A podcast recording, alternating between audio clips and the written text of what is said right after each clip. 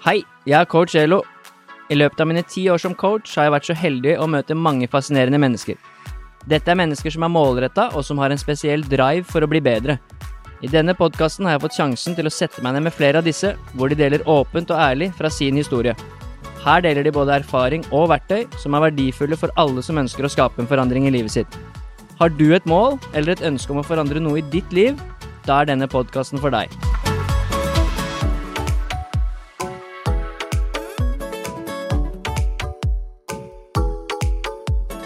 Hei og velkommen til en ny episode av Coach Elo med gjester.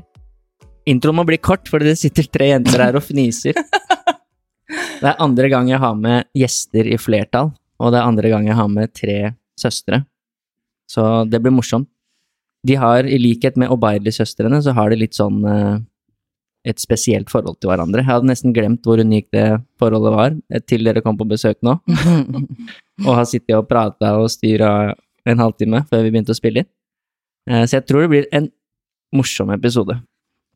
Veldig morsom. Jeanette, har sona ut allerede. Men velkommen til Charlotte, Takk. Veronica og Jeanette. Takk, takk, takk. Dere har kommet til Lier alle sammen. Ja. ja, måtte ta turen hit. Og dere fikk, eh, fikk en naturopplevelse med en gang dere kom. Ja, så en svær elg. Elg? En stor elg nedi hagen her. Ja. Det er faktisk første gang jeg ser selv, da. Er det Men- første gang du ser selv? Eh, her, ja, i hagen her. Ja. Å ja. Det er det første gang jeg har sett elg før. Det er. Ikke så mye av det i Ungarn, skjønner du. Nei. Men da sier du det, du ser ikke så mye av det i Ungarn. Vi har klart å samle alle tre fysisk, og det er gøy. Ja. Og det er jo fordi at eh, Vicky er gravid, Ja, Så det du- er faktisk grunnen til så du er hjemme i Norge. Eneste du. grunn til at jeg er med meg. Nei. Ja. Jeg tulla. Skulle du kanskje heller vært og spilt i går, eller, eller kanskje ikke heller. Det er jo Jo. gøy at du er gravid, men uh, dere spilte jo match i går. Ja, men det er uh, litt frustrerende å sitte og se på. Det skal jeg ærlig si. I hvert fall når de taper. Ja, i hvert fall når de sliter litt.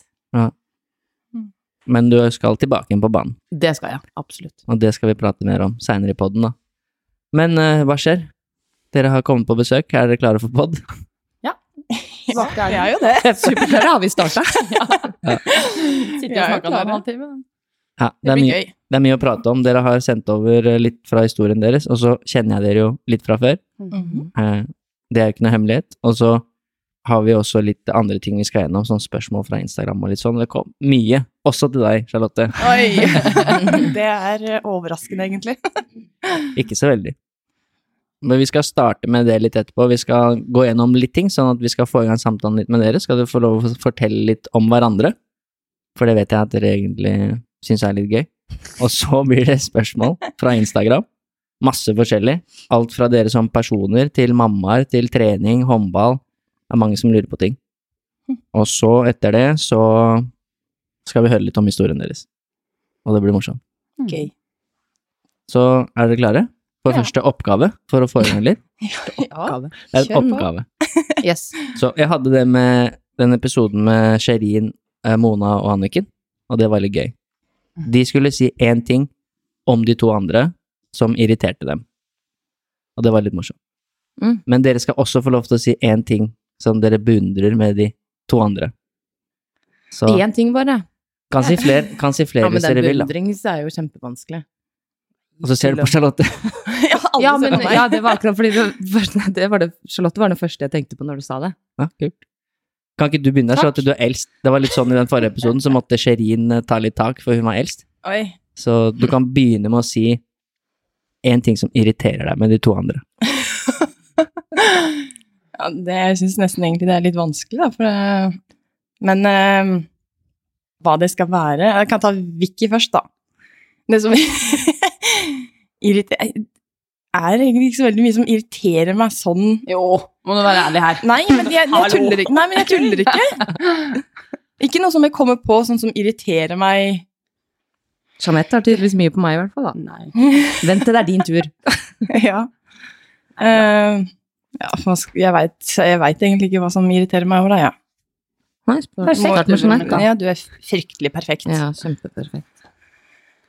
Begynn med meg, da. Der er det ganske mye.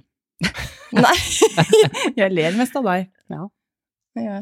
Nei, jo, det er kanskje øh, Vicky, det mm, nå som du har vært hjemme litt, så er det kanskje det at du jeg, Du er så veldig Irriterer meg at du ikke har mer like meninger som meg.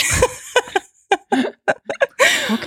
Ja, At jeg er litt ulik deg, med andre ord. ja du er egentlig det. Ja.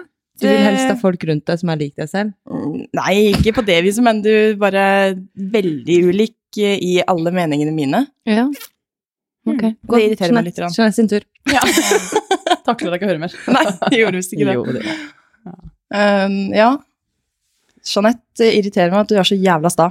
Unnskyld, nå brukte jeg et banneord, men det får bare gå. Ja. Du klarer liksom ikke å legge deg litt sånn flat for ting. Og da, det kan, da blir jeg sånn her, ok, greit. Merker det er litt dumt å ha sånn her. Sånn blir litt amper stemning her, kjenner jeg. Det, akkurat det sa søstrene og Beil om hverandre òg. Men de oh, ja. sa det samme om hverandre, alle tre. oh, ja. Så alle var, det var det samme. Ja. At de ikke klarte å legge seg flat for hverandre og, og var stae. Det eier ikke ydmykhet. Jo, det tror jeg nok dere gjør, men dere er vel kanskje vet ikke. Dere er søstre. Men de sa jo ikke noe imot heller, da. Jeg hørte på det. De sa ikke noe imot heller. Jeg kan si imot. Jeg kan sitte her og si Ja. at jeg er helt enig, men jeg har blitt eldre. Ja, det har du. Ja. Du har, blitt, Ja. du har faktisk blitt 30. Tross alt.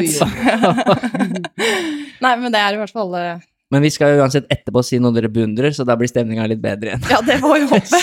Sikkert det. Det er ikke Vi får håpe det. Det er Vicky sin tur. Du er mellomste. Ja. Så før du sier det, da, så kan du jo ta en fun fact. Vi er like gamle. Ja, det er vi. På dagen På dagen 10. juli. 1990. Med samme etternavn. Og, Samme og samme høyde. Og Ikke samme mange- vekt opp. Ja, ja kanskje Mange, ja, faktisk. Det kan hende, faktisk. Så mange skumle likheter. Skal mangle, skum, mangle. Mange skumle likheter. ja. Morsomt. Men det er din tur. Så var det, var det To, to ting, eller én ting, da, som irriterer deg med de to andre jentene. Ja. Uh... ja, jeg vet ikke helt hvem jeg skal starte med. Start med meg, du. Ja, starte med Jeanette, da. Uh... ikke ta det ille opp, da.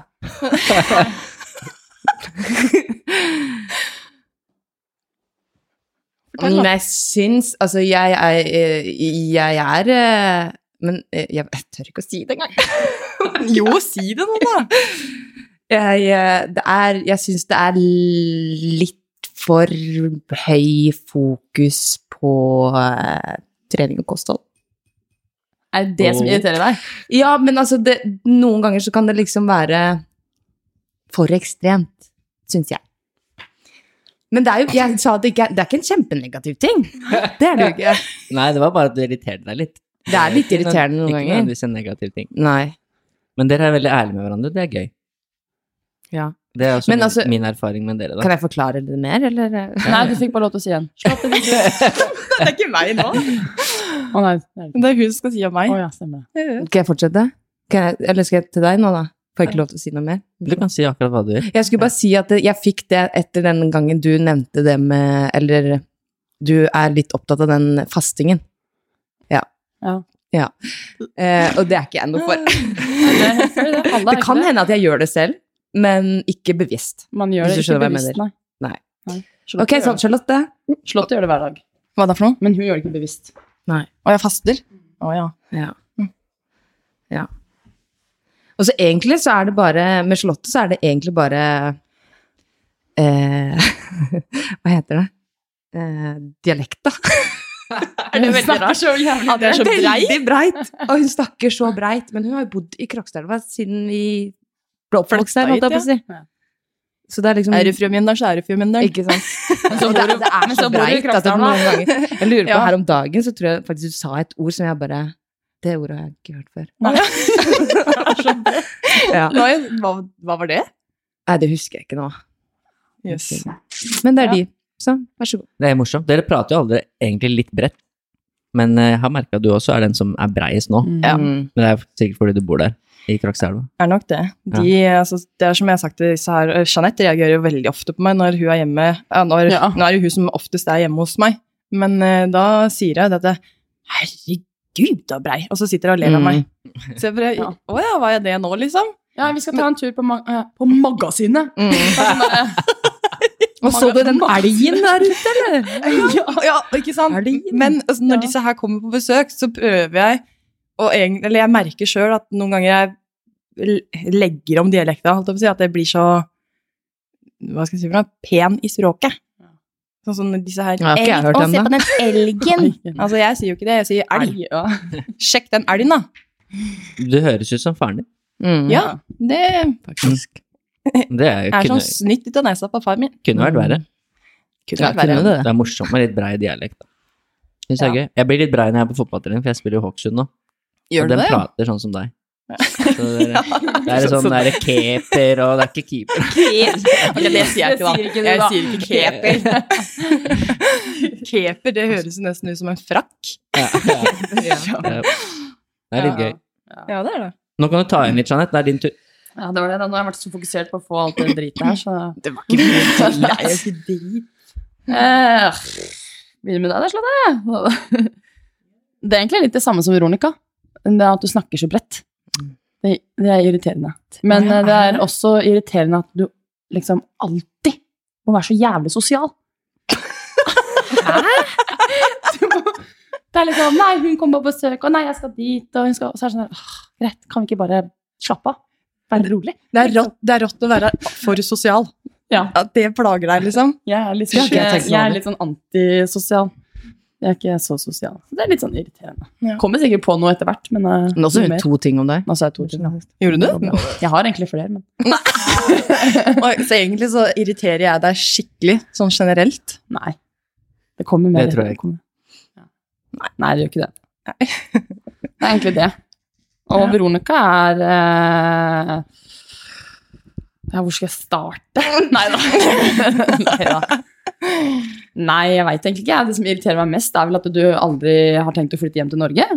Mm.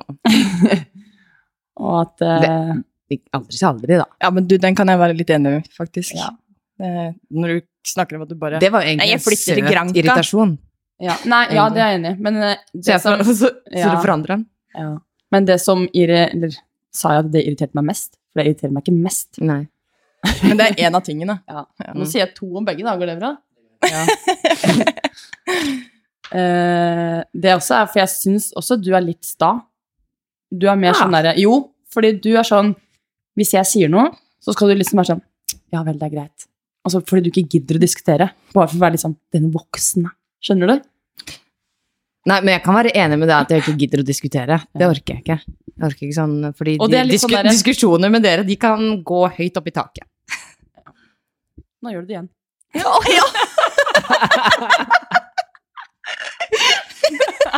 Ok, greit. Ja, ikke sant? Nei, det var en morsom start, da, fordi at det er akkurat det her dere har litt spesielt forhold til hverandre. Mm. På, mest på bra, egentlig bare på det. Det håper jeg, da. Dere er jo, dere er jo veldig nære, så det er, jeg syns det er morsomt, jeg. Mm. Ja. Sikkert for de som lytter òg. Ja. Men for å, nå skal dere si én ting, eller flere, hvis dere har det, som beundrer Som dere beundrer med de to andre. Så da kan hende det blir litt mer hyggelig, da. For jeg vet dere har masse fint å si om hverandre også. Kan vi starte fra minste da? Mm, den som avslutta, starter. Det, Nei da. skal du begynne, Jeanette? Jeg kan det. Ja, det jeg beundrer av Charlotte, er jo egentlig veldig masse, da. Det er jo at hun alltid Altså, hun er alltid åpen om Hun åpner opp alt. Hus og alt. Hus og hjem. Ja, hus og hjem. Altså, jeg kan jo bare komme når jeg vil, uten å liksom si ifra. Og beundrer at hun alltid Jeg vet ikke, hun er så omtenksom. liksom, hva skal jeg si?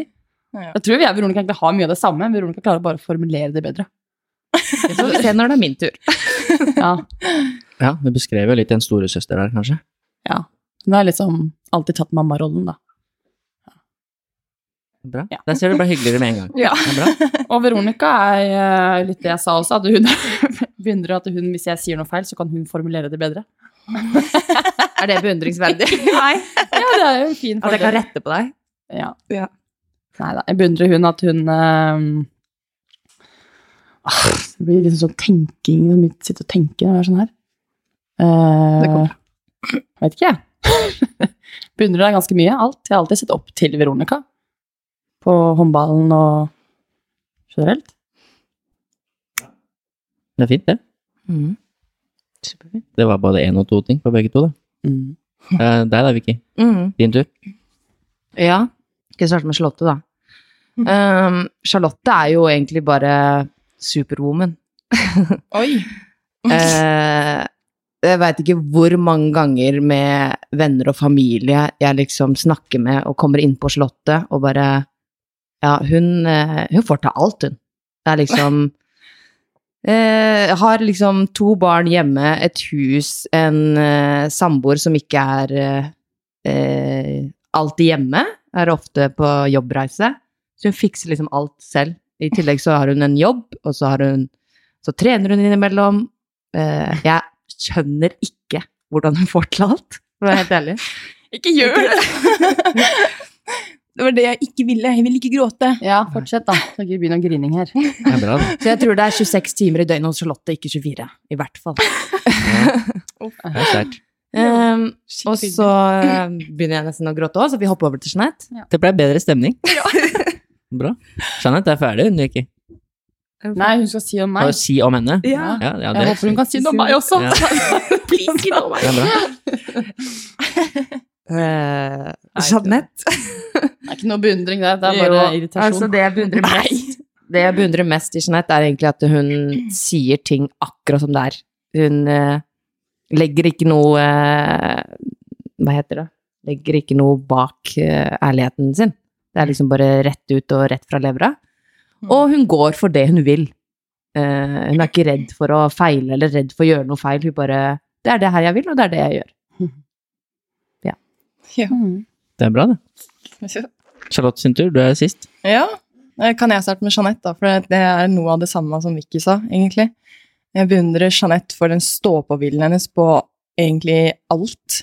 Eh, eksempelvis nå, liksom, når jeg begynte å trene crossfit, og egentlig aldri har gjort det sånn, og stilt i konkurranser og sånne ting, og bare nailer hele skiten, liksom, og bare, bjau, jeg toppa pallen, liksom. Da ble jeg helt, ja, jeg er så mektig imponert over, uh, over det jeg får til, da. Og. Det er i hvert fall noe jeg kunne blitt bedre på, å ha den stå-på-viljen som det Jeanette har. Savner veldig det sjøl, egentlig. Det er, det er den mest eh, Ja, hva skal man si? Ja. Vicky òg er jo noe av det samme, egentlig. Jeg er veldig ja, stå-på-viljen der òg. Eh, alt jeg får til, og jeg ser jo veldig opp til begge to. Det gjør jeg jo.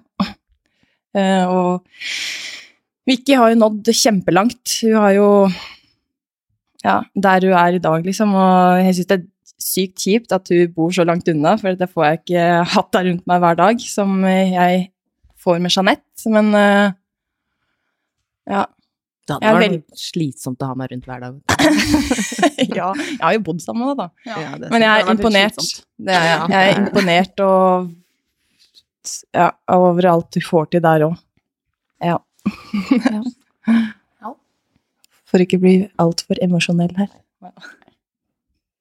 Det går bra. Ja, det var veldig bra. Ja. Det blei mye bedre stemning. Det blei til og med grining. Ja. Sipping. Dere er jo egentlig, tror jeg, veldig glad i hverandre. Eller det vet jeg at dere er. Egentlig. Det er vi. Og så tror jeg det er mange som kommer til å høre denne episoden her, og jeg tror de aller fleste av de som hører, den beundrer alle dere tre, egentlig. Selv om dere ikke tror det sjøl, da. Sikkert for mange av de samme tingene som dere nevnte nå. Ja. Men det var uh, fint. Vi skal ha litt spørsmål fra Instagram. Kan hende dere kan si litt om hverandre der også. Uh, da må jeg jukse litt. Fordi det ble, kom så mange, og det kom faktisk noen til deg også, Charlotte, selv om du trodde at det ikke gjorde det. Nei, jeg trodde ikke det. Så her må jeg bare skyte litt overalt, tror jeg. Uh, vi kan begynne med et som var til alle tre. Eh, og det kan jo hende at dere gjør det, eller har gjort det i oppveksten, og at noen kanskje allerede har fått litt inntrykk av det allerede. Krangler dere ofte? Per dags dato, er det spørsmålet? Nei, det, det står ikke noe om. Og så lættisfjes. Vi gjør vel ikke så mye av det nå, i voksen alder. Det er mer små diskusjoner, tenker jeg. Men i yngre alder, da ble det en del eh, Da gikk det kule varmt innimellom. Da var det et gulv som ble hull i, og Hva sa du? Ja, jeg- Et gulv som ble det hull i. Et gulv? Ja, jeg ble jo så sint på dere. Husker ikke når jeg trampa Vi hull i bodde i gulvet? Ja! Ja, det var ikke meg. Du ble sint på Veronica. Ja. Ja, jeg sa det. Husker du ikke jeg ble så sint på deg? Og jeg sa dere. Nei. Nei, jeg ble, det, det var en episode i hvert fall, når vi bodde i Mjøndalen, Ja. alle sammen. Og da ble jeg så forbanna på Vicky. Nå skal det sies at det gulvet var veldig dårlig. Du var ikke så sterk, liksom. Trampa ikke så hardt. Men eh, jeg blei så sint, og jeg satte foten skikkelig ned, og da gikk det høl i gulvet, rett og slett. Og så skal det sies at jeg har kasta terninger i munnen, eller munn, som traff tenna da, til Slottet, som har ødelagt det. Og Slottet har klappa til meg. Ja. Så det er mest Charlotte og Veronica da, som har krangla, mens jeg bare dilta litt etter. Jeg har, eh, ja, jeg har vært skikkelig sur på deg. Det var det i Kristiansand, og vi bodde der sammen. Ja. Da blei jeg så for sinnssykt sur en gang, og bare trampa inn på rommet hennes og fika til så ødela føyk veggimellom. ja. Det føk ned trappa der. Hører du nå, eller hvor bredt hun snakker? Ja. Ja, det har jeg lagt merke til eh, for lenge siden. Ja. Men jeg, jeg kan ikke huske at Jeg har ikke krangla sånn Nei, jeg tror aldri jeg har krangla skikkelig med dere. Sånn Nei, det tror ikke jeg krangel. heller. Jeg tror vi bare har liksom Å, du er så drittunge. Og så er det sånn Ja, veldig vel, greit. Og så går jeg. Ja. Men det er mest meg og Vicky, egentlig. Og så har Jeanette egentlig, som du sa, at du bare dilta etter. Ja. Og bare Ja, du ble bare- sperra inne på rommet en gang, ja, da. akkurat til side. Oi. Husker du ikke det? Nei, men det er jo som jeg sa rett før vi starta det her, jeg har kjempedårlig hukommelse. Men dere sperra meg jo inn i den der eh, i, i, Når vi bodde i Mjøndalen, det store huset. Det lille på badet der. Ja. Kottet. Så lite trangt rom. Ja, stemmer det. Ja. Ja, det var i Løvligata, det. Ja. Det er kanskje derfor du ikke er noe glad i å kjøre inn sånn der vaskehall og vaske bilen. ja. Det er fun fact, Janet liker ikke det. Ja, det er faktisk det. Ja. Ja. Så den bilen er aldri rein. Det har jeg ikke gjort på mange år, så det har jeg nesten glemt. Herregud. Ja. Ja. ja, det gjorde vi. Ja. Sperra deg inne på rom, og da låste vi til og med utenfra. Lokte deg inn på ja. det rommet. Ja. Låste igjen. Tok med nøkkelen. Ja. Nå så hadde dere sikkert ikke klart, da. Sånn sterk som jeg har blitt nå. Nei, Ja, det er et veldig godt poeng. Det- hadde vi ikke klart. Jeg hadde, jeg hadde bare Ok, greit. greit, greit. Ja, men det er bra, det mimrer jo litt allerede her. Mm. Det er fint, men dere krangler ikke så mye nå, i hvert fall. Nei. Dere kan diskutere litt, det er bare sunt. Ja. Hvordan, dette er jo også kom på den sliden som var til alle, da. Uh, og det gjelder jo i hvert fall uh, to av dere nå, og så gjelder det snart Vicky òg. Hvordan kombinere barn, hus og trening? ja, hvordan kombinere det? Ja. Det Nei, det er utrolig hva man får til, da. Når man eh, bare må, egentlig. Det er Jeg kan snakke for meg sjøl, i hvert fall der. Nå er ikke jeg så inn i den treninga og alt det der, men eh, det trengs mye planlegging. Det gjør det jo. Rutiner og planlegging er i hvert fall eh, viktig hos meg å sette opp. Jeg, sånn som når vi skulle på denne podkasten her nå, så må jeg planlegge hvem skal passe ungene mine, for Frode er jo ikke hjemme. Eh, må høre om det er noen som kan sitte barnevakt og litt sånne ting. Jobben går sin gang når jeg begynner å jobbe igjen. Da står jeg opp så og så tidlig, gjør unna ting og sang, får unger på skole og i barnehage, og meg sjøl på jobb. Ja, så har du en unge som er i hvert fall eh, Savanna, da. Det er litt energi der. Der er det litt energi. Det, hun har jo fått diagnosen ADHD. Den er jo ikke til å tulle med til tider. Så det er litt å holde fingra i. Det er det. Man kan komme mye positivt ut av så mye energi, da. Så det sitter en der Ah, ja, som har fått, fått, fått i mye med så mye energi. Absolutt. Det er, de, ja, de er jo veldig like, disse to, da. Ja. Det er faktisk flere som tror at eh, Savannah egentlig er datteren til Jeanette. Ja, de er ganske like. Savannah og jeg har jo ikke et tanteforhold, holdt jeg på å si. Vi har jo et søskenforhold. Ja. Ja, det er ikke noe Men det er mye å øh, Ja. Det styrer med, holdt jeg på å si. Utrolig nok så går det jo bra, da. Jeg får jo dagene til å gå rundt, mm. egentlig. Ja, du er superwoman, ifølge Vicky. Så du får det til å gå rundt. Ja. Du har fått to ekstra timer i døgnet, og du har 26 timer tydeligvis, ja, ja, det er jo helt sjukt. det er bra. Det er veldig hyggelig, da. Hvordan er med deg, Jeanette? Du kombinerer jo Mm. både mann og barn og håndball og crossfit nå, Mm. og jobb. Mm. Det blir litt. Ja, Det blir litt, men det går.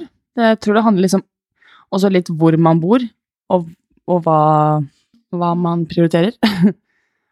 Eh, så selvfølgelig planlegging. Det er veldig vanskelig hvis man er eh, ute og reiser eh, hver måned. Da blir det jo veldig mye jobb. Men eh, det går. Alt går hvis man, hvis man vil. Men Ja, Ja. det er jo som jeg sa, at det er utrolig hva man får til når Ja. man først må. man, må liksom, man kan ikke bare være én om det. Man må være to. Og så er det jo lett òg, når man har en mann som også er veldig treningsvillig. Det er litt sånn Mm. vel ikke akkurat. Nei, men da har han veldig mye ute og reiser, da. Han jobber mye hjemme i huset, da, det skal han ha. Men ja. Frode må vi få tilbake på fotballbanen, tenker jeg. Mm. Ja. Trenger en stopper oppe i Hokksund her. Ja. Han legger opp eh, hver gang, og så begynner han igjen. Ja. Er Bare, han er jo fortsatt interessert i det. Mm. Men så har jeg en jobb òg, da, innenfor trening. Så det er liksom Så jeg er jo på treningssenter hele dagen. Så det er jo kanskje mye lettere for meg enn det er for Slottet. Å få trent og gjort min trening. Men spiller du håndball da, et helt annet sted, da? Ja. Det blir litt Ja. Det Blir jo litt, da.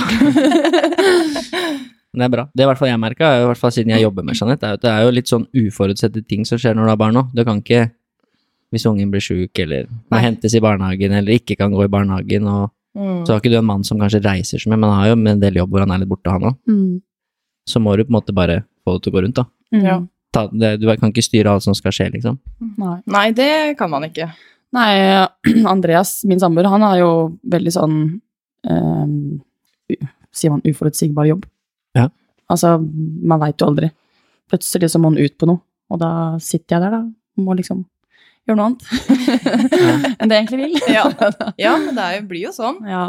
Det er mye jeg også kunne tenkt meg å gjort, men Ja. som jeg ikke kan, fordi jeg blir sittende aleine hjemme da, og Mm. det er ikke sånn at jeg higer etter uh, barnevakt hele tida, men det hadde vært deilig å ha i hvert fall én hel dag aleine. Mm. Og mikken litt nærmere um, kjeften, som du sier oppi Granksella. Kjeften! Kjeften. Ja. Ja. Hva med deg, Vicky? Nå har du en uh, Han er ikke mannen din, da. Han er Han er samboer. Mm. Han jobber jo i GR, gjør han ikke? Ja. Og du skal spille i GR. Hvordan har dere tenkt å løse det? Eller har dere snakka om det? Vi har snakka litt om det, ja. Uh, han må jo først og fremst snakke litt med arbeidsgiveren sin. og se hvordan vi løser det uh, etter sommeren. Uh, så har vi jo Ja, vi har jo selvfølgelig noen alternativer. Vet jo for eksempel foreldrene hans er jo pensjonister nå. Ja. Så de vet jeg er kan komme og hjelpe oss ganske ofte. Nå vet jeg også at moren hans er veldig glad i å hjelpe. Så vi har en, på en måte en liten backup der, men man skal jo ikke lene seg på det heller. Vi skal jo klare å ordne det. Mm. Ja, det gjør det helt sikkert òg. Ja. Det blir spennende. Jeg, pleier, jeg pleier å si at man har jo lagd bryet sjøl. Ja, ikke sant? ja, ja, det har man jo. ja. Dere er vant til mye unger og mye folk, i hvert fall. Det har vært hele livet. Ja. Inn og ut av de dørene dere har bodd i. Mm. Men uh, neste spørsmål Skal vi se, for det er mange, ikke sant. Nå er vi bare tatt to. Oi, hjelp. Det siste, det siste Det kan godt hende flere blir liksom litt på alle, da, men dette er det siste jeg tar fra det som har kommet til alle. Mm. Det er Henrik fra boksen som har spurt. Det er Til typen, alle typen til Silje. Oh, ja. Dykkeren. Oh, ja. Så han lurer på om samholdet deres søstrene imellom har vært viktig for å prestere i idretten deres. Det er håndball, da. Om samholdet vårt har vært viktig for å prestere. Mm. Oi, det er et godt spørsmål. Ja. Altså, jeg vil si at det med Det kommer litt an på hva man legger i samhold. Altså, det å ha søstre som forstår og vet hva det går i, Mm. eh, og som har vært i det, holdt jeg på å si, det har jo vært viktig. Til å hva skal jeg si, holde på samholdet vårt, da. Altså hvor tette vi er som søstre. Mm. Eller? Jo, jeg er egentlig enig i det. Det er det. Ja, det er litt vanskelig å svare på, syns jeg. Det var litt sånn godt spørsmål. Man kan jo si at vi har jo kanskje følt oss litt mer trygge, hvis det har noe med samhold, holdt jeg på å si, at man er trygge på hverandre sånn. Eh, ja, på treninger, i kamp generelt eh, og sånne ting, og at man kan buse ut med en kommentar kanskje kvassere på søstrene enn på andre, da. Og da blir jo føler jeg jo samholdet også da igjen forsterker, fordi at man kan være såpass trygge og Ja. mm, si det man nesten mener, da. Eller man mener. ja. Er Brutalt ærlig. Det er jo litt det Veronica sier, at vi har jo vært uh, Er jo i samme greie, liksom. Alle Nei, nå husker jeg ikke hva jeg skulle si. Nei. Datt ut. Ja, datt helt ut. Men altså det Ja, ja. med treningen da, kanskje, sånn generelt i hvert fall, det har jo hjulpet oss Ja. på det. Så, Samholdet det var jo viktig når vi var yngre, liksom. Men nå Mm. i voksen alder så er det jo litt Nå er vi jo litt på forskjellige plasser, alle tre. Ja, men nå skal det jo sies, for eksempel, da, nå er det første som kommer opp i hodet mitt, er eh, når den derre korona-pandemien eh, kom inn. Så hadde vi liksom, så trente vi på FaceTime sammen. ja, ja, det gjorde vi faktisk. Ja. Jeg i Danmark, du i Nei, Jeg tror ikke jeg hadde- i Norge, du. Eh, Det husker jeg ikke. Jo, Men uansett, så tror jeg ikke jeg hadde Jeg hadde ikke facetima med ei venninne og trent med henne. Nei. Det er jo søstrene mine jeg hadde gjort det med. Ja. Hvem var det som pusha til det, tro? Ja, det husker jeg ikke. Ja. ja, det har sikkert vært viktig, som dere sier. Ja. Fra mitt ståsted, siden jeg kjenner det litt fra før, det var vel ikke bare én gang etter du var ferdig med kamp, Jeanette, at du satt og prata på FaceTime med de her to om den kampen. Nei. Det var vel stort sett ikke bare etter kamp, etter trening òg, Mm. om alt mulig. Nei. Nei, ja, vi facetimer jo hver dag. Ja. Ja. Men nå er vi blitt sånn Spiller vi en kamp, så er vi ferdig med den, liksom. Vi kan snakke med den om en kamp, men så gidder vi ikke å ta den opp igjen tre, gang, tre dager etterpå. Det er bare litt, pappa som kan det. blitt litt eldre. Ja, dere har jo en far som er veldig håndballinteressert òg, det kommer vi inn på etterpå. Ja. Det er litt spørsmål til altså Det kommer ekstremt mye spørsmål. Ja. Eh, sikkert 50 spørsmål. Så vi må bare eh, ta Hvis ut det er ja- og nei-spørsmål, så kan vi jo svare fort. Ja. Det blir ikke så lange svar. Jeg starter med storesøster Charlotte. Ja. Det er en som lurer på hva som var grunnen til at det ikke ble mer håndball på deg. Eh, grunnen der var egentlig at jeg, samboeren min har en reisejobb, og jeg blei aleine med eh, Eller blei mye aleine med Savannah. Jeg, ja, jeg fikk jo hun i 2014. Så begynte jeg jo en etter at jeg fikk henne. Um, men eh, det er den største grunnen, at det, planlegginga blei litt for mye. Og så hadde jeg en 100 jobb ved siden av. Og da krevde det så sjukt mye. Jeg følte ikke jeg fikk eh, sett Savanna noe i det hele tatt. Jeg hadde jo en episode hvor hun faktisk kom bort til meg etter en trening og sa eh, 'Mamma, nå savner jeg deg. Du er alltid borte.' Og da kjente jeg bare Nei, det her går ikke. Mm. Det vil jeg ikke. Hadde jeg hatt eh, håndballen som min 100% jobb, så kunne det jo selvfølgelig vært helt annerledes. Men det var grunnen til at jeg måtte gi meg. Ja, Dessverre. Det er forståelig. Ja. Vi skal snakke mye håndball i løpet av Ja. vil jeg tro. Ok, et spørsmål til Vicky, da. Det er spennende. Eh, kunne du sett for deg å spille i en skandinavisk klubb, eksempel Odense Vipers eller Esbjerg? Per dags dato Mm. Per dags dato, nei. Eh, jeg, akkurat nå så har jeg tanken min at jeg kommer nok til å Nå har jeg kontrakt med Gjør frem til eh, sommeren 25. Eh, og jeg tror nok jeg kommer til å avslutte karrieren min i Gjør. Det er deilig med noen sånne korte spørsmål, da. Ja. Nei! Vær så god. Ferdig. Det er fint, det. Ja. Ja, det er bra. Ok, Jeanette, da. Mm. Uh, her er det mye forskjellig, altså. Ok, vi kan, alle vet at eh, det gjelder egentlig dere alle tre, at dere er veldig godt trent. Eh, at dere har trent mye. Uh, uh, Eh, det kan ikke sammenligne deg med de kanskje nå, siden Nei. de er toppidrettsutøvere enda. Men det var du, du var bra trent du òg. Og jeg er for så vidt det enda, bare at det er ikke, du er ikke toppidrettsutøver. Uh, det er en som lurer på om Jeanette, kjørte du mye styrke når du var yngre? Si sånn 17-18 år, eller begynte du før?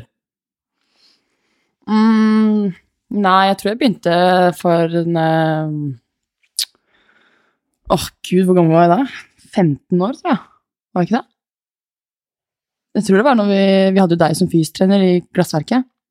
Og det var seinere.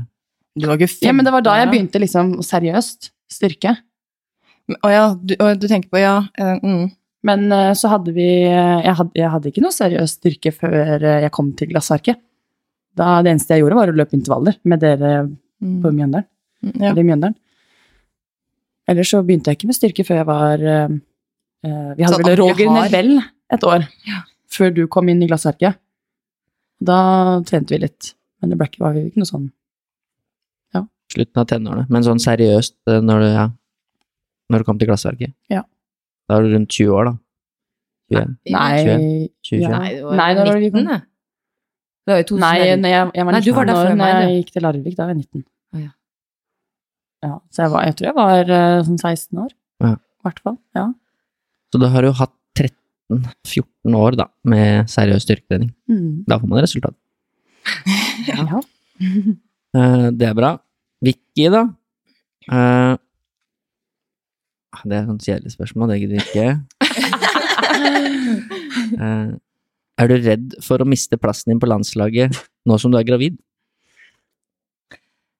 Eh, nei, jeg er jo ikke redd. Jeg vil jo, altså, det skal jo være konkurranse på landslaget.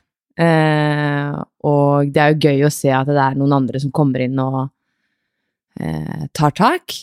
Må du slutte å snakke så profesjonelt? Nei da, bare være ærlig. Jeg er dritredd. Nei.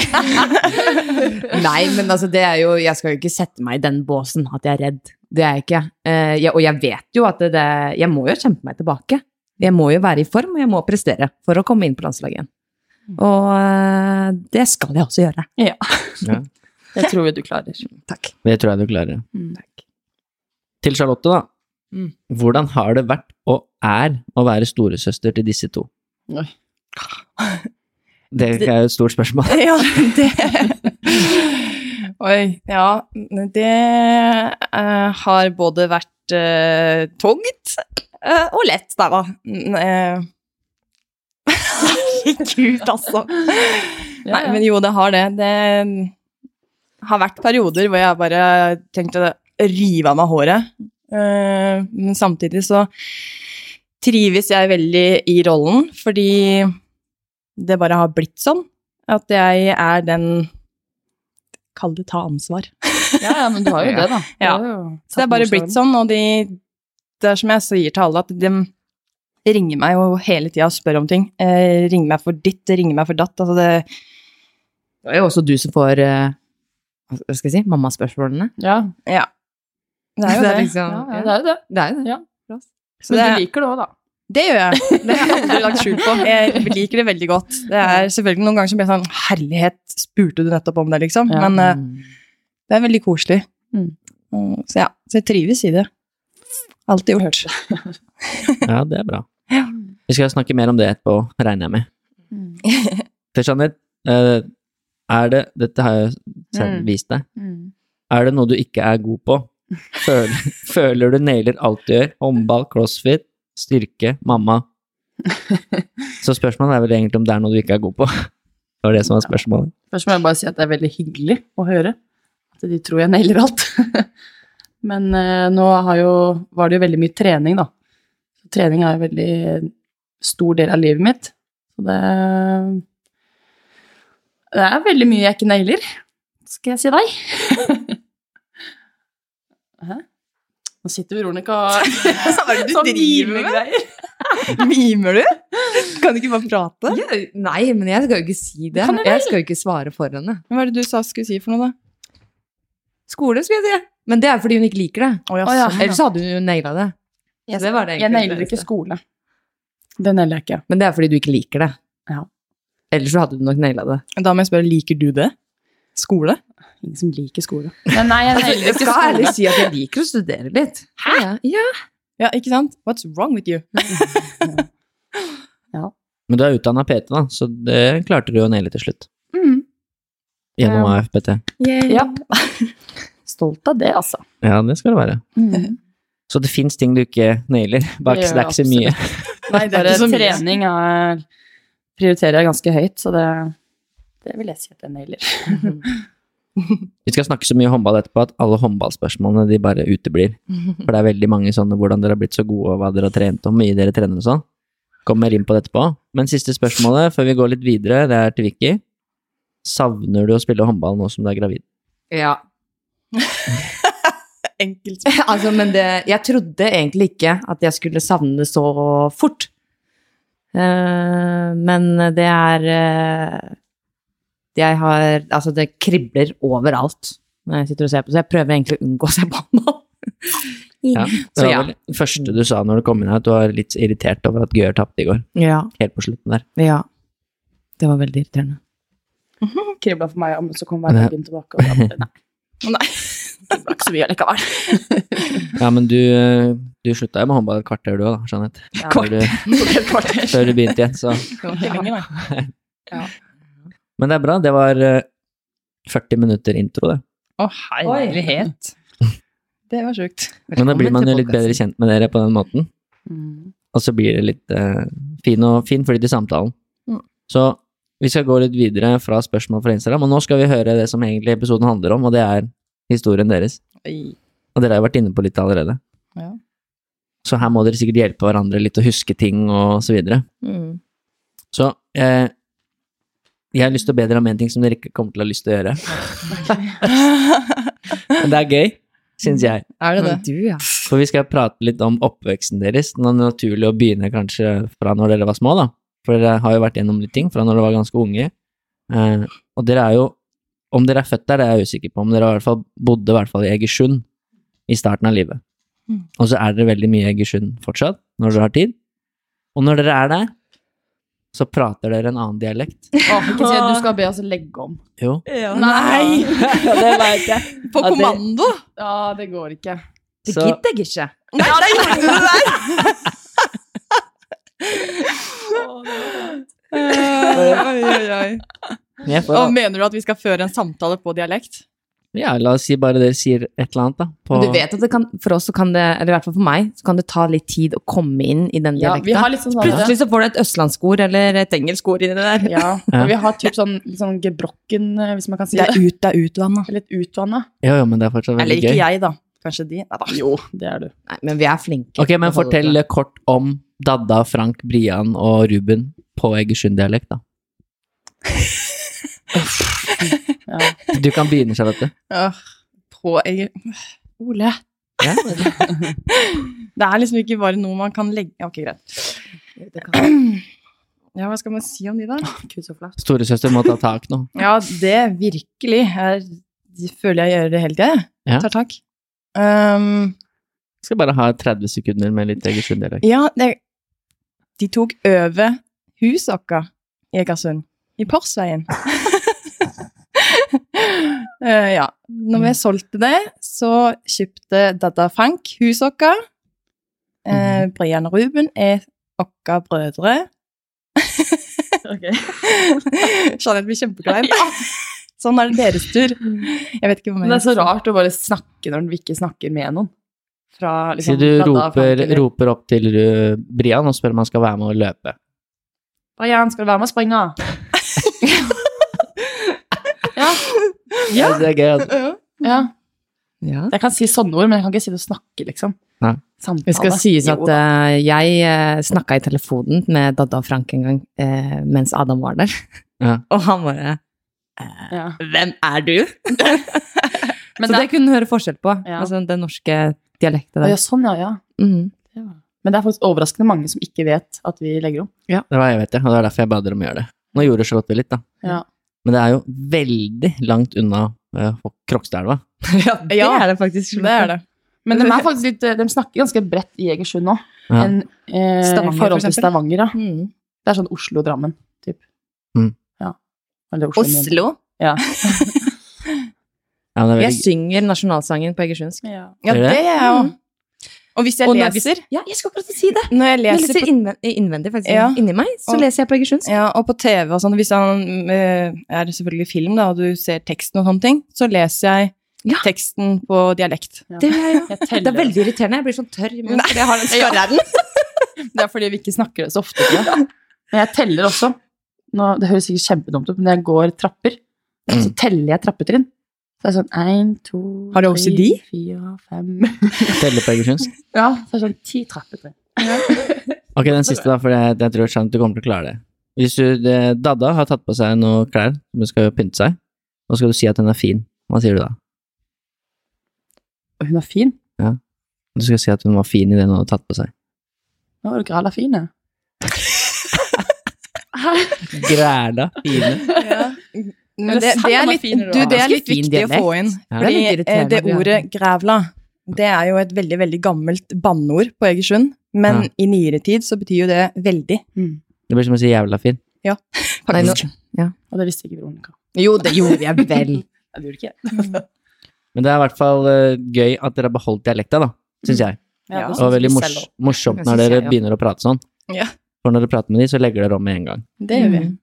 Og det er kanskje ikke alle som vet, da, for dere prater jo aldri sånn offentlig. Bortsett fra på min pod. Mm. Men eh, la oss eh, begynne med det, da. Oppveksten deres.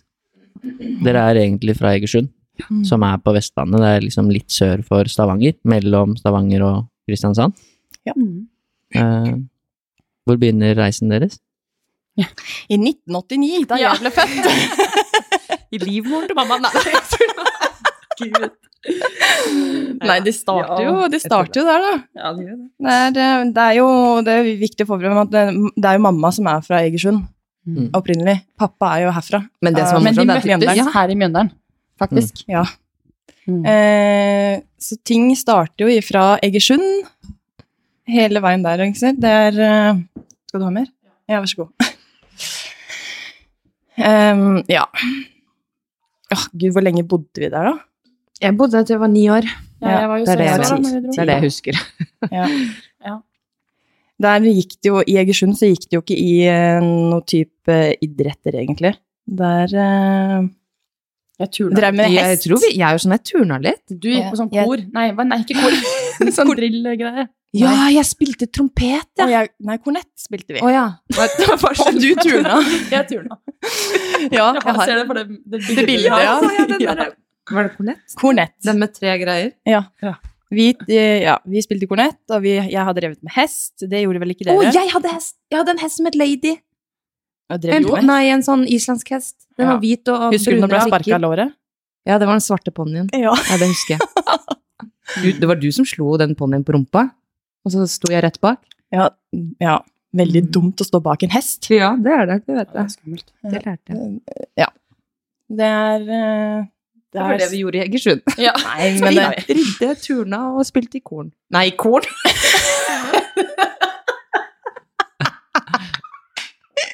Korps, er det jeg mener? Korps! Korn! Ja. ja. Men der, ja. Jeg vet ikke hvor Skal vi Altså Vi starta der, og så gikk det noen år. Jeg vet ikke hvor du vil eh, begynne. eller? Nei, det er deres historie, ikke min. Mamma og pappa bodde der nede sammen med oss. Oi sånn. Papp, de bygde hus. Det er det dada dem bor i nå. Det bygde de i 86. Så kom jeg, så kom Vicky, så kom Jeanette. Mm. um, ja. Vi gikk på skole der nede. Mamma og pappa skilte seg da jeg var sju, tror jeg det var. Trenger du detaljer, liksom, eller? Er det Nei. veldig, veldig detaljert? Det er fint. Men vi kan jo snakke om hva som er grunnen til at dere flytta fra Egersund, da. Ja. For det er jo den for det er det tingen, største nå, ja. tingen i livet deres. Ja. Mammaen vår Fikk brystkreft. Ja, hun fikk brystkreft. Ja. I en alder av 32. 32. To. Så det gikk vel det gikk jo veldig fort, akkurat det.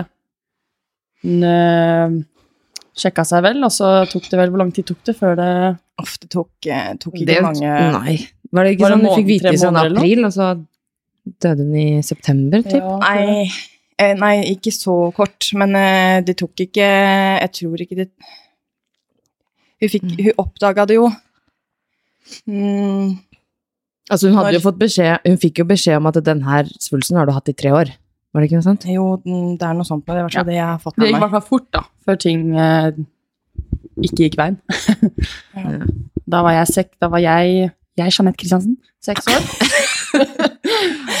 og Slottet var ti, og Veronica var Ni. ni. Ja. Hun Også, døde jo, da. Ja, så døde hun. I en alder av 32. Det er veldig tidlig. Og tenk det, ja, det er like gammel som jeg er nå. Mm. Samme som deg, Ole. Jeg vet det. Ja. Det er veldig ungt. Mm. Og så hadde hun jo fått tre barn allerede. Ja. Ja. Da Ja. måtte vi eh, pakke bager og alt som var, og da flytta vi opp til pappa her i Mjøndalen, Mm. hvor vi bosatte oss alle sammen. Mm. Det er kanskje var du som husker mest fra det? Eller Vicky har litt dårlig hukommelse og skjønner at du er veldig ung. Ja, det er egentlig det. Jeg husker jo veldig masse, egentlig. Fra egentlig alt. Fra mamma ble sjuk, og jeg stelte jo faktisk såret til mamma når hun opererte brystet. Um, ja, så Det er jo litt irriterende for meg, eller i hvert fall for meg, da, sikkert for sånn, nei, sånn at jeg husker ikke så mye, men jeg er sånn, jeg husker fra mamma, så husker jeg bare når hun var syk. Jeg husker jo ikke noe, noe annet. Så jeg husker jo egentlig bare sykehusbesøkene og sånn. mm. Ja. Og dere har blitt hjemfortalt en del. Ja. Det har vi jo. Jeg vet i hvert fall Du har alltid vært veldig opptatt av når du har vært i Egersund og se sånn tidligere fotoalbum og Ja. få fortellinger fra Dadda og Frank og sånn, hvordan hun var og sånne ting. da. Ja. Mm. Hvordan har det vært? Nei, for min del så har det vært veldig bra, men det er sånn når folk spør meg sånn, ja, husker du, husker du moren din? Så, så sier jeg alltid at jeg vet ikke. Om jeg liksom husker henne live, eller sånn i virkeligheten, eller om det er fordi jeg har sett masse bilder eller, og videoer. Eh, jeg tror det egentlig er mest det, at jeg har sett masse bilder og videoer, og Dadda og Frank har vært kjempeflinke til akkurat det. Så det er jeg veldig glad for.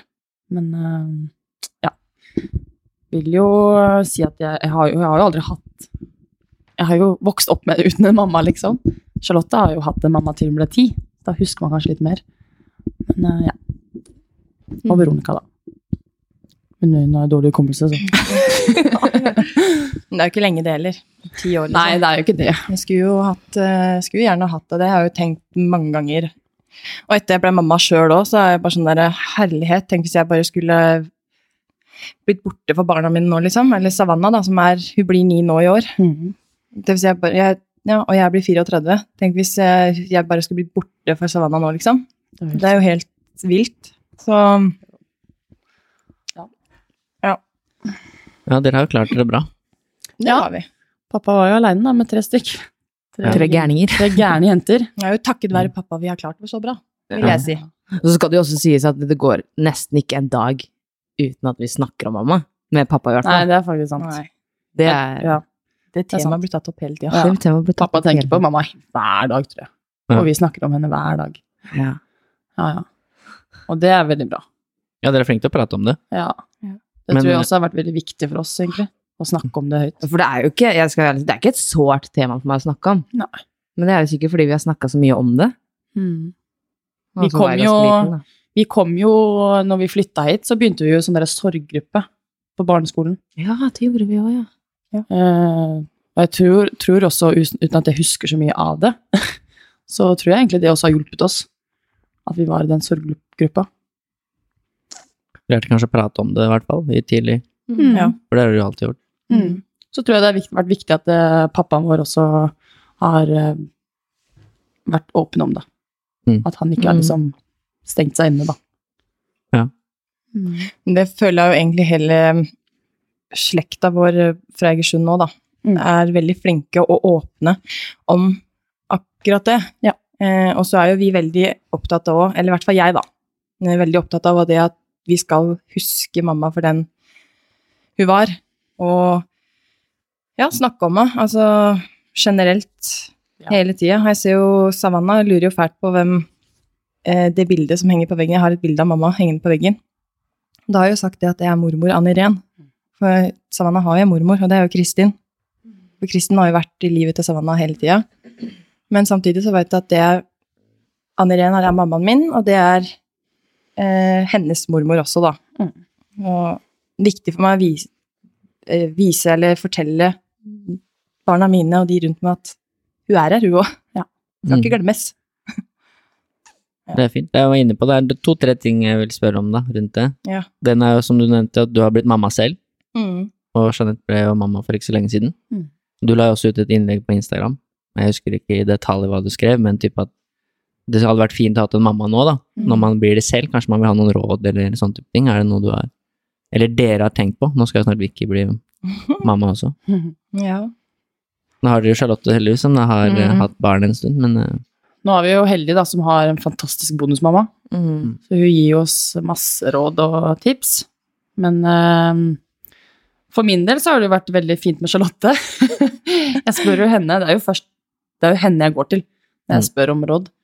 Hvis det er noe bleier, eller hvilke bleier jeg skal velge, eller eh, hvordan jeg gjør ting, liksom, så er det jo Charlotte jeg spør. Men du Ja. husker du ikke det? Når jeg sendte deg en melding, du bare 'Jeg setter veldig pris på at du spør meg', altså. Ja, jo, jeg husker det. Ja. ja. Og det gjør jeg jo. Ja. For jeg, det høres kanskje teit ut, men jeg, jeg føler jeg kan faget. ja, men hun har jo mer erfaring. Hun har lengre erfaring. Men det er, det er jo som du sa, at det, det er jo i sånne situasjoner som meg, da, at jeg, jeg kunne tenkt å ha Jeg kunne trengt mamma, da, i enkelte situasjoner og spurt ja, bare veiledning i alt, selv om jeg får det i Kristin og hun er kjempegod der, men det er jo noe med det å ha sin egen mor, da. Egentlig til stede. Ja, Ja, for Kristin har jo vært en bonusmamma for dere. Ja. Hun har dere nevnt noen ganger nå. Mhm. Og så har dere jo også Dadda i Egersund. Ja. Vi har jo, altså, Dadda og Frank har jo vært mamma og pappa våre Ja. i Egersund. Absolutt. Og så har du jo Brian og Ruben, som er eh, Brødrene. Ja, vi er jo født og oppvoksen med dem. dem er jo, altså, Dadda og Frank er jo egentlig kusina Eller Dadda er jo kusina vår. Mm. Men hun Men tar det- henne ikke som en kusine, liksom. Nei, nei, nei, nei, nei. Hun er mye mer enn bare en kusine. enn det, Ja. Ja. Og så har du, ja, som sagt, Brian og Ruben, da, som er Så vi er egentlig fem, vi. Ja. Tre søstre og to brødre. Fem søsken. Mm. Ja, for det var det andre jeg ville lurt på. Det var litt det med når du har blitt mor selv, og tanker rundt det. Eh, og det andre er jo Egersund og familien deres der. Mm. For dere er jo der en del. Og det har et spesielt forhold, som du sier, også til de. Til Dadda og Frank og Ruben. Men det er også de andre. Det er i hvert fall mitt inntrykk. Dere er veldig flinke til å alltid være innom alle når dere er der. Ja. Ja. Eh, og grava og sånn, men alle liksom hele slekta som er i Egersund. For det er ganske mange som bor der, da. Nå er det ikke, er det ikke så mange igjen. Nei, Dessverre. Ja. Um, nå er det vel egentlig bare Arnt igjen der. Arnt, Dadda og Frank. Mm. Ja. ja, det er liksom de som er igjen, da. Tanta vår har jo flytta. Ja. Flytta til Hva heter det? Ut- Måler. Våler, ja. Ja. Så i Egersund så er det bare Dadda og Frank mm. og tant... Nei, Dadda og Frank. Og. Arnt. Ja, Ja. sorry. Men det, det er jo de gangene, eller før, eh, før disse her andre forsvant, og så holdt jeg på å si Mor og far. Vi var jo alltid innom der hele Mm. tida. Mhm. Eh, Det kan jeg Seinest nå, når var det på fredag, eller når pappa var hos meg, så sier jeg dette. Åh, jeg savner far. Jeg bare Mm. ser for meg, jeg ser hele far, liksom. Det blide vesenet, og når han kom og henta meg i bilen. Hver torsdag jeg var på torskemiddag der, før jeg skulle på Hva heter det for noe? Ko, eh, ja, spille kornett. Kornet. Ja, kornet! Ja. ja. Ja, og alle minnene jeg har fra når vi var eh, generelt i Egersund, da. Innom både Oddgeir og Arnt og tante. Og så hadde vi jo også, når, altså når mamma gikk bort, så hadde vi jo annethvert år Ja. og feira jul nede i Egersund, ja. Ja, med Dadda, Frank og mor og far. Og så hadde vi med pappa. Vi var jo her. der annenhver jul, annenhver påske, hver sommer. Mm. Og så hadde vi jo sånne tradisjoner, sånn klinke egg i påsken. Så det er, sånne, det er sånne ting vi tar med oss. Det er sånn vi prøver å gjøre her hjemme òg, men det er ikke alltid så lett. Alltid. Men uh, ja, jeg er i hvert fall supertakknemlig for, uh, for de, de tidene. Og at vi fortsatt er, er i Egersund, liksom. Og har dialekt, da. Ja, dere har jo beholdt det nå. Mm. Det virker som i hvert fall Egersund føles litt som hjemme for dere når dere er der. Ja. Mm. Dere har det med den julebyen og alle disse tingene som Ja, tenk det. Det Det er faktisk Norges beste juleby. Ja, Det er en liten sted, det er en liten by. Ja. Men det er jo fint der borte. veldig. Flott by er det. Ja. Mm. Jeg har jo sagt det flere ganger, at jeg kunne gjerne tenkt å flytte ned dit. Mm. Til Egersund, ja. ja Eller Stavanger. Som i hvert fall er nærme Egersund. Stavanger er litt større, større by. Jo da. Dere har i hvert fall fortsatt et forhold til både stedet og de som bor og er igjen der, da. Mm. Ja. Det er fint. Og det siste jeg har lurt på, eller ikke det siste egentlig Først for det er jo litt sånn fun fact, som jeg sier. Dere får jo veldig mye sånn bli gjenfortalt hvordan moren deres var og sånne ting. Mm. Men det går noen rykter, i hvert fall av det jeg har hørt at hun var veldig rask. Mamma? Ja. Og et eller annet med at du hadde noen rekord på 60-meteren med- i traktene der borte når hun var ung, da. Ja, Så det kan jo hende de eksplosive genene deres har kommet. det kan der. hende at det er tante. Tante Gunna som har de uh, Ja, sånn rekordene istedenfor. Ja. Det Ja. sånn det var, kanskje. Ja, for hun har rekorden på 60 meter der, tror jeg. Ja. Tante Ja. Gunna drev jo med sånn derre hva, hva kaller man det? Friidrett. Ja. Så hun løp, ja. Hun løp, og hun hadde en sånn rekord der nede, ja. Men mamma var jo aktiv, hun òg. Hun Ja, spilte sånn fotball. Mm. Hun var jo skikkelig fotballinteressert. Fikk jo et helt fotballag inn på sykehuset når jeg ble født, liksom. Her på Husabø. Ja. Kommer litt dialekt der. Så det kommer fram, vet du, etter hvert. Men eksplosive gener muligens på den sida der, da. Mm. Kan det hende. Ja, det har vi ikke fått fra pappa. Nei da. Nei. Tulla, pappa. Det har kanskje vært høyden da fra faren deres. Mm. ja. Det har vi. Mamma var ikke akkurat lav. Jeg tror mamma høy er du igjen. Ja, hvor høy er du, Ole? Vi er eh, 1,74-1,73. Ish. Er ikke det 1,75, da? Nei. Ja, ja, mamma var Noen i ganger er jeg det. Mamma God var, dag. 1,75. mamma var det. 1,75. Ja. Så jeg er jo ikke lav. Nei, absolutt ikke. Men det er fint, det. Det var jo litt uh, Der er dere i gang med historien deres, da. Dere ble født i Egersund. Mm. Mor og far skilte seg, og så ble hun borte pga. kreft. Og så flytta dere hit til faren deres. Mm. Så fikk han tre jenter Gærninger inn i hus. Og ha litt styr på Ja, alene. på. Ja. Hvordan eh, gikk veien videre derfra, da? Dere har jo hatt mye historier opp igjen der òg. Det var ikke alltid lett for han heller, tror jeg, selv om han har løst det veldig bra, da. Ja, det løste veldig bra. Det har vel ikke alltid vært lett for han heller. Nei. Vi var jo mye hos, øh, hos øh, farmor. Var vi vel? Hva var jeg? Ja. Vi bodde jo vegg i vegg med farmor en Ja. periode. Oppe på Rypejordet. Ja. Så vi var jo mye inn og ut der, egentlig, og Herja. Herja, ja. Lagde leven. ja. ja. Nei, pappa har vært flink, han. Ja, Gud, han har jo vært Han har jo vært vår klippe på alt. Ja. Så å Det er det. Veronica alltid sier om pappa. Jeg sier det. Han er min klippe. Ja. Ja, men den er jo Så det. ser man egentlig bare toppen av klippen. Så er det egentlig sånn Så er det sånn, måne. Masse, masse ofra masse er under sånn der. Nei, men. Ja. Det starta, det starta jo eh, derifra, holdt jeg på å si, sånn Når vi flytta oppover til pappa. Eh, stakkars han, sier jeg bare. Det å få tre jenter bare sånn kasta i fanget, det er jo ikke bare bare for en mann, tror jeg. Nei. Det er ikke bare bare det. Nei. Eh, lagde jo leven, eh, vi også. Jeg husker det var noen ganger hvor jeg og Vicky lå på samme rom, i køyseng, og da kan jeg huske at vi kunne prate lenge, og så lo vi kanskje litt høyt, da, og da trampa pappa opp. 'Nå må dere legge dere!' Mhm. Og sånn, ok. Kasta vi dyna over ansiktet bare 'Vi sover'. Men det som er litt rart, er at han har vært aleine med tre, tre jenter, og selvfølgelig fått eh, Han har jo fått hjelp òg, av farmor og litt rundt omkring. Men jeg tror vi aldri har, har krangla noe særlig med pappa. Jeg har ikke tørt, Eller, eller, eh, nei, men, eller fått noe sånn husarrest eller noe sånne ting. Nei, det tror jeg ikke faktisk. Jeg tror vi aldri har uh, hatt noe skikkelig krangel med pappa. Eller sånn som de fleste, liksom. Det er vel bare sånn diskusjon. Jeg husker jo Eller kan hende jeg også gjenfortalte den. Jeg husker når pappa kjefta på deg. Hun bare Ja, nå går du og legger deg, eller så får du en ørefik. Ja. Har du svart da? Ja, ja, det, det er bedre enn ingenting. ja, jeg husker jeg han satt i godstolen sin. Ja. Satt og slappa av, så sier han 'nå går du og legger deg, så får du en ørefik'. Sånn, ja, da var jeg veldig sta. Skal ha det siste ordet. Siste ordet alltid. Ja. Men eh, ellers så tror jeg aldri vi har liksom krangla noe særlig med pappa. Nei, det tror jeg faktisk ikke. det Ikke som jeg husker. Det. Nei, men det sier pappa òg. mm, Han, ja, han har ikke kjefta oss huden full, liksom. Han har sikkert kjefta på oss, men ikke vært sånn derre liksom. Og vi har jo heller aldri tørt å snakke imot på pappa, egentlig. Nei, jeg- Han er skummel når han hever stemmen sin. ja, han er jo det. Men vi har jo respekt okay, for pappa, pappa. liksom. ja. Ja. Ja. Nei da. Han er verdens beste pappa. Ja, han er sier jo alle om faren sin, men vi har verdens beste pappa. Bløtkokt egg. Har på utsida, bløt inni. Dere arva mye fra Henning òg, det er ikke noe tvil om. Nei.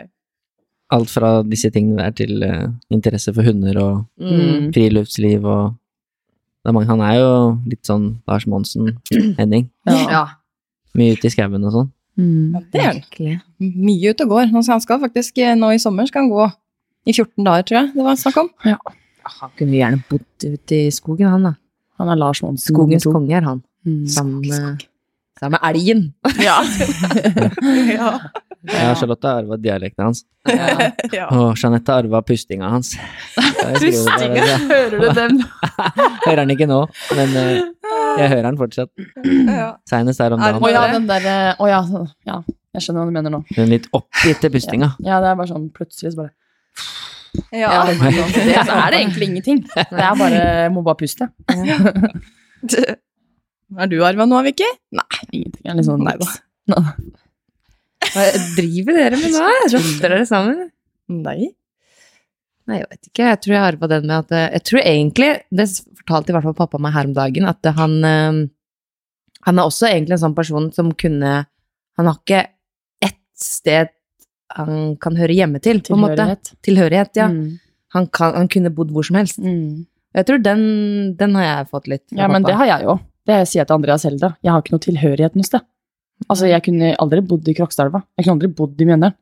Det er sånn Jeg kan bo hvor som helst. Men i et annet land nå, Bare ikke liksom. Ja, bare det har vi snakket om òg. Så det er sånn Men han har i hvert fall vært viktig for dere. Han er Veldig. nevnt i disse notatene som dere har sendt til meg, eh, så har han nevnt hos dere alle tre. Mm. På litt forskjellige måter, men at han har vært viktig. Eh, og så begynte de å spille håndball alle sammen, og alle har jo vært og er proffe håndballspillere.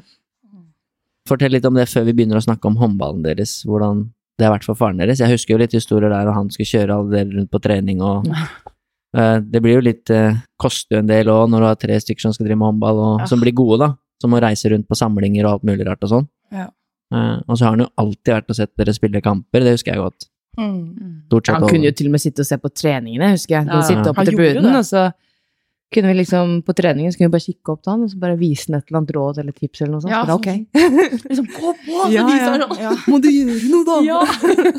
Men han var, jo, han var jo i hallen fra første trening til siste, liksom. Ja, ja. Det, var sånn typ Hvis jeg trente først, da Eller, ja, Ja, vi tar eksempel. Jeg Ja, ja. trente først og starta klokka fem på trening, liksom. Og siste treninga var Jeanette sin, eller hvem det var. Mm. Så kunne den være der til klokka var ni, Ni, halv halv ti på kvelden. Ja. Kanskje lenger òg, liksom. Ja, Av ja. og til så sto vi jo igjen i hallen nå og trente, og da var Mm. pappa der. Hele Han var jo treneren min nå. Ja. Han var trente dere to. Nei, ikke meg. Bare Nei, han trente meg.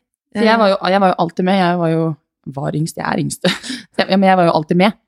Uansett liksom, om de trente før eller etter meg. Så var jeg igjen i hallen, eller så kom jeg Mm. før i hallen. Ja. Det var, han- han, han blei jo sett på som eh, Hva de sa for noe? De lurte på om pappa hadde en eh, Ja. madrass i hallen og sov der. Fordi uansett når folk kom, så var han der. Og når de dro, så var han der. Ja. Var alltid der, han. ja. Var det. Og har Sånn kjørt vel hele Norge rundt, tror jeg. Mm. Ja, Han har vært det. alle steder i Norge, tror jeg. Alle håndballhaller, i hvert fall. Ja. Hoppbakker òg, for han drev jo med hopp. ja. Jeg har hørt noen historier om det. Ja. Mm. Ja, jeg tror også det har vært litt sånn godt for han at vi har liksom kommet inn i et sånt miljø. Tror jeg. For da har liksom har han hatt noe å Ja, Gjøre jeg tror, jeg husker jo i tenårene hvor det var liksom Jeg føler i hvert fall alle håndballspillere har sånn der, en periode sånn, jeg vet ikke, mellom 13 og 15 år hvor Ja, liksom hvor Skal jeg drive med det her, eller skal jeg ikke? Så var det kanskje noen andre ting på skolen som var litt eh, Jeg liker skolen, da, men som var litt morsommere, da. For eksempel en skolefest eller noe. Ja. Hvor jeg egentlig skulle vært på en treningskamp. så, så ringer jo pappa og bare 'Hvor er du hen, da?' 'Jeg er på skolefesten'. Ja. 'Nå kommer du ned hit, du har treningskamp'. Ja. Ok. Og den dagen i dag, da er jeg kjempeglad for at han var liksom Dro Mm. meg ned på det igjen. Ja. Bare Han har vært viktig for håndballen deres òg. Ja. Ja. Mm. Stilte opp mye, Veldig. og Han- gjør enda. Han er jo fly jo, som du sier, ikke bare Norge rundt, nå har det verden rundt for det å se dere spille håndball. Ja, Mm. det er det. Husker, jeg husker når vi flytta til Kristiansand. Når han kom den onsdagen. Han kom, kamp. ja. Men altså, vi hadde kamp på en onsdag.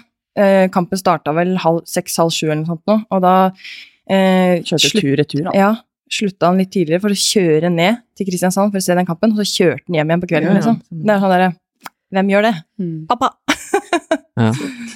Ja. jeg vet ikke også, vi har eh, Jeg har noen bilder i hodet, jeg tror også vi har fysiske bilder av pappa, hvor han er jo også sannsynligvis den mest ivrige Ja, på tribunen også. Ja. Hvor liksom Vi har et bilde hvor jeg vet hvor alle i publikum sitter, mens pappa og kanskje onkel står oppreist og skriker. ja, jeg har Et sånt bilde, liksom. av pappa. Ja. Men det var når jeg spilte i Vipers.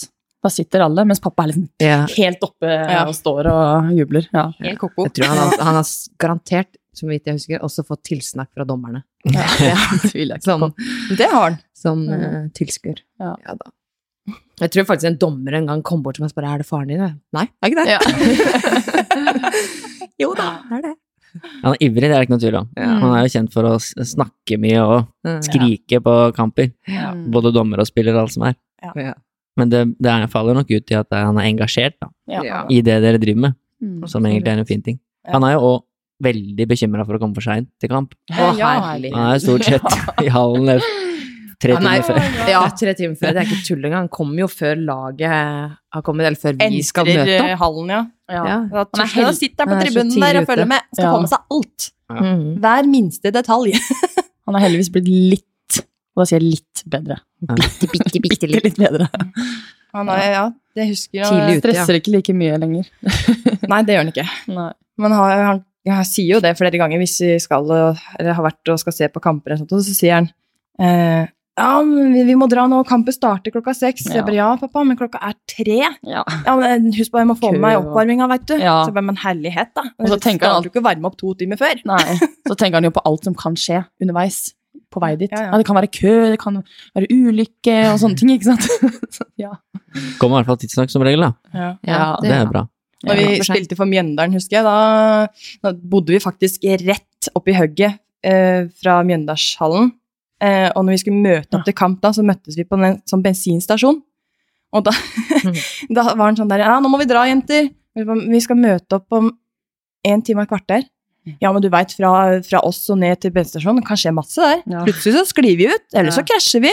Så jeg bare Tuller du, sa jeg. Noen ganger så gjorde jeg det med vilje, å bruke tid bare for å ikke sitte i den bilen og vente på at vi skulle møte opp, da. Mm. Men han var tidlig ute.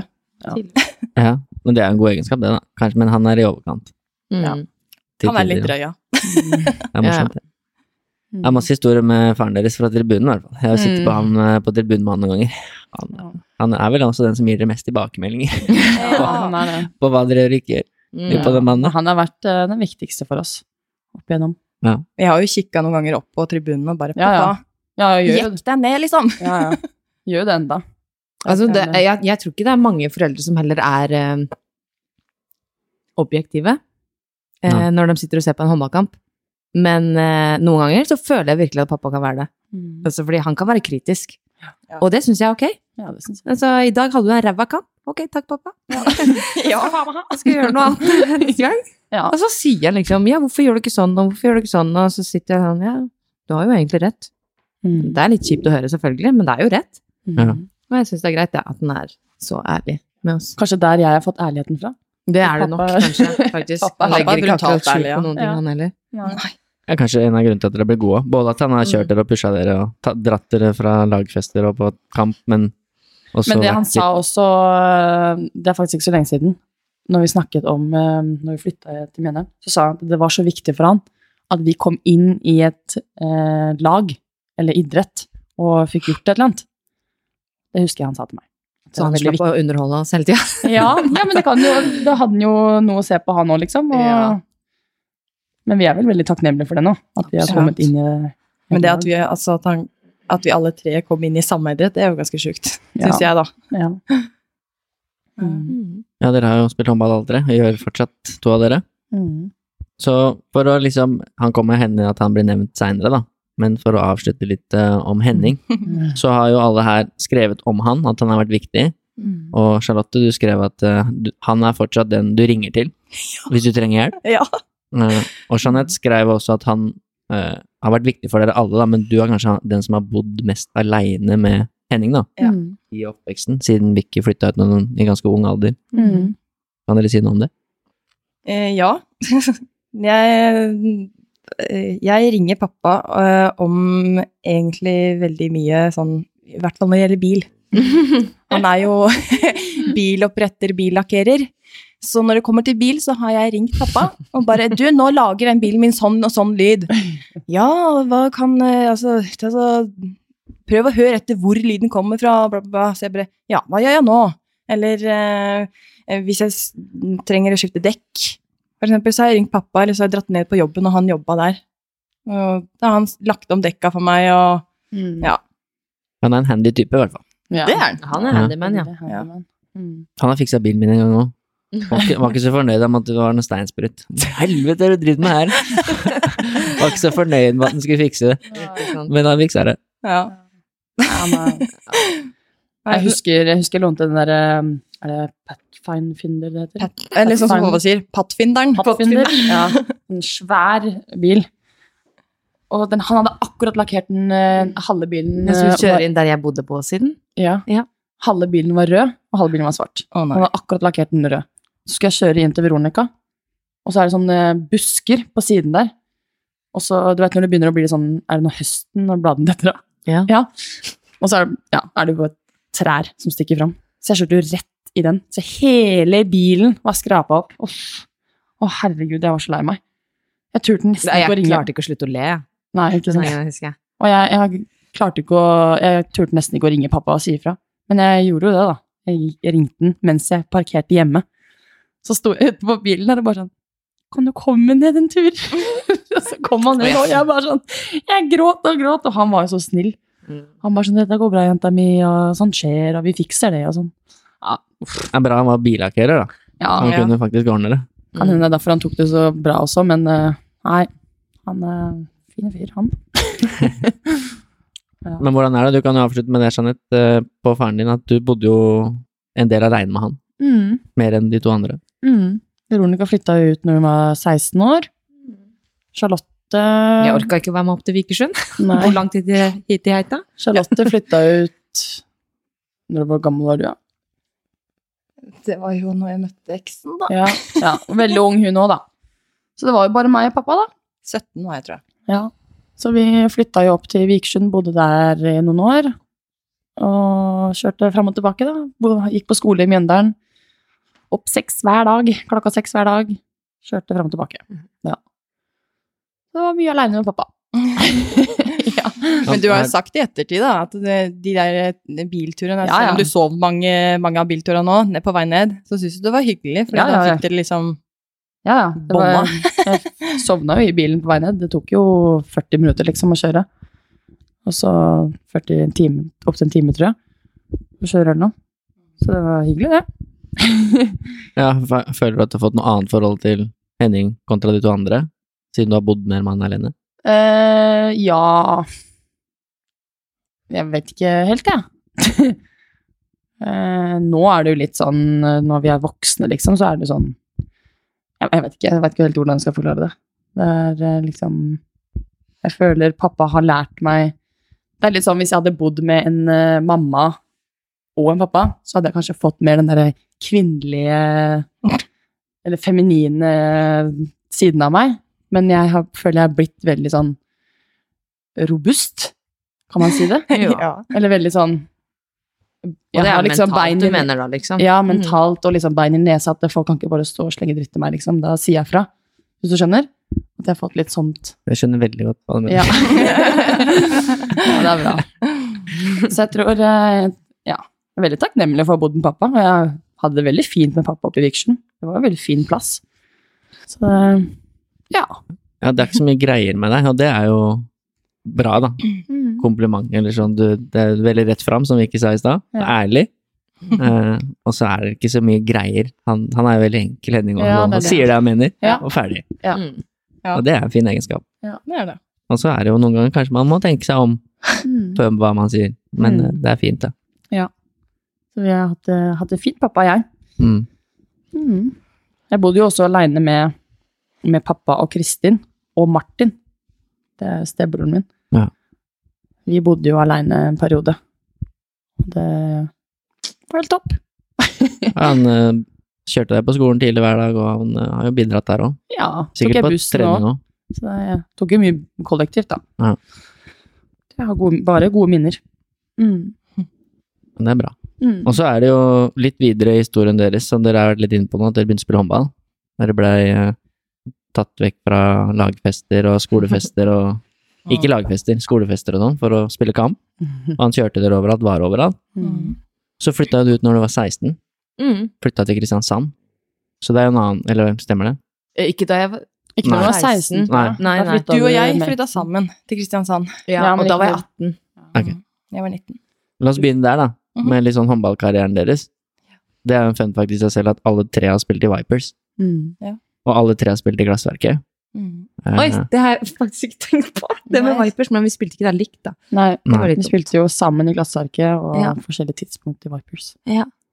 Men gå litt sånn gjennom det litt raskt, da, hvor dere begynte håndballkarrieren sånn proft, og hvordan Proft. den reisen har vært.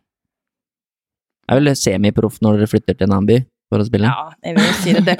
Våg Vipers, eh, som det het denne gangen, det er jo var jo en av de største klubbene nesten i Norge, og vi Var det det? Ja, det var jo bortsett fra Larvik, da. Larvik var jo veldig Ja, vi, stor, vi var men i eh, hvert fall det første året mitt der var vi i NM-finalen ja. mot Ja. Larvik. Men du spilte jo der før Charlotte. Du spilte jo i Nei, Nei, vi hun kom sammen. samtidig, og så dro hun et år tidligere Ja, det var sånn det var, ja. Mm. ja. Mm. Men det er jo mm, Altså, når vi spilte i Mjøndalen, så var det jo faktisk eh, de i Våg Viper som ringte Kenneth, for Kenneth hadde jo varsla i Mjøndalen. Så det, er jo, det var jo han som sa det til oss, eller sa at du, de ønsker dere ned dit, og ja. Altså det som skjedde med meg, at jeg, jeg flytt, det var Mjøndalen, Kristiansand, og så gikk jeg tilbake til førstedivisjon med Glassverket. Ja. Til dere to. Mm. Så rykka vi opp, Så rykka vi opp. Og så stakk du. nå går. Da sa jeg bye bye, Ja. I need to be better. Nei da. Men det var, ja, det var jo det det starta med. Jeg og Vicky spilte sammen i Våg Vipers ett år. Så flytta jeg hjem. Ble henta av Geir Ostorp til Glassverket sammen med Jeanette. For eh, da var hun i Mjøndalen. Du ble igjen et år. Da spilte jeg bare to år, altså. Ja, I Spilte bare to år i. Vipers, ja. Og så ja, spilte vi førstedivisjon Mm. To år.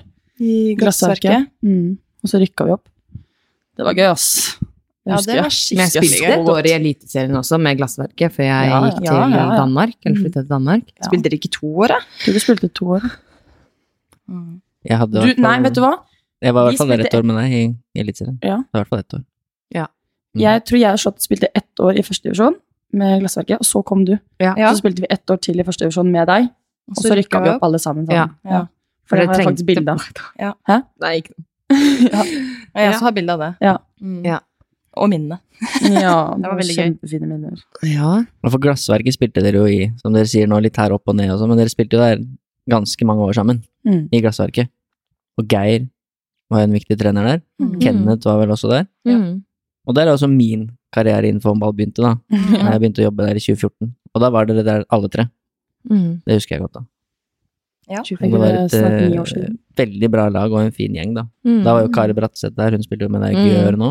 Ja, ja. Og ja, Hege. Bakken var der. Det var mange gode som ble proffer, da. Ja, de fleste, Alma Hassan. Ja. de fleste ble håndballproffer Mm. av de som var der. Mm. Fortell litt kort om eh, tida i Glassverket, da, fordi Jeanette var inne på det, det er jo gode minner. Dere rykka opp til Eliteserien, Mm. og så tok dere vel sølv noen år i Eliteserien også.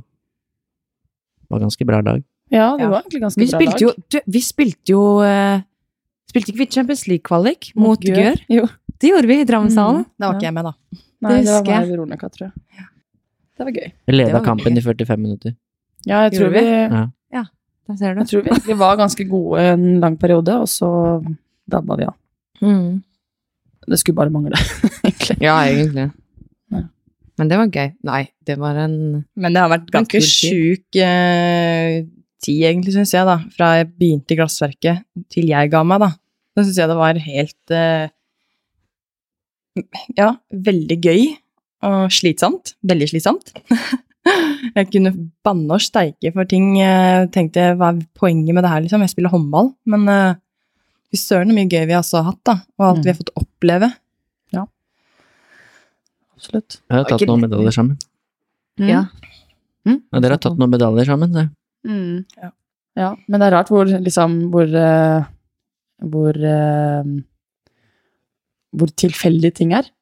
Eller at man liksom er der man er i dag, og så har liksom Vi hadde sikkert vært det hvis vi ikke hadde vært i Mjøndalen, liksom. Hvis du skjønner? Nei. Nei, det er sant. Så er det ganske kult å tenke på at vi spiller mm, Jeg vet ikke om hvis vi skal si om hverandre eller om seg selv, om vi spiller på samme posisjon, men i Glassverket Ja. så er liksom Jeanette venstrebekk, jeg venstre... Nei, Jeanette venstrekant, kant, jeg venstrebekk, Charlotte mitt. Og så ble Charlotte omskulert til eh, strek etter hvert. Linjespiller, ja. Linjespiller, ja. Ja. Og så ble jeg mitt, og så ble du venstrebekk. Ja. ja, det var ganske kult. Det hadde jeg tenkt å nevne, da, at jeg husker når jeg kom til Glassverket, så var jo dere der alle tre. Og da var ganske ofte vi starta kampen med at alle dere tre starta kampen. Mm. Som midt, venstrebekk og venstrekant. Ja. Eller venstrebekk, midt og strek. Ja. Det er jo spesielt i seg selv. Ja. Mm. Ja, det er det. Det var veldig gøy. ja, det var det. Skal vi lage et lag til? Ja, den tida syns jeg har gått altfor fort. Ja. Det var veldig Ja, shit. Jeg savner det jo litt. Ja, Ja. det var veldig fine tider. Og da var liksom håndball veldig sånn gøy, bare. Det var ikke så blodseriøst som det er nå, hvis du skjønner. Mm. Dere, er trente, jo dere trente mye, da. Trener, da. Det var blodseriøst. Ja, det var jo blodseriøst sånn sett, men det var bare sånn Da var liksom ikke, i hvert fall ikke mine, da. Da var liksom ikke tankene noe lenger. Da var det bare å leve der og da, liksom, holdt jeg på å si. Og spille neste kamp som kommer, og trene neste dag, og ja. Det var bare skikkelig, skikkelig gøy. Og Dere trente mye, da. Det skal sies. Hvis en fystrener skal uh, si noen ord om dere, det er, alle vet at dere har uh, enorm fysikk. Mhm. Det er hele Håndball-Norge og håndballverden prata om i mange år. Og så er det litt gener, ja, men det er mest at dere har trent ekstremt mye. Mm. Jeg har jo trent én til to ganger om dagen så lenge jeg har kjent dere, i hvert fall.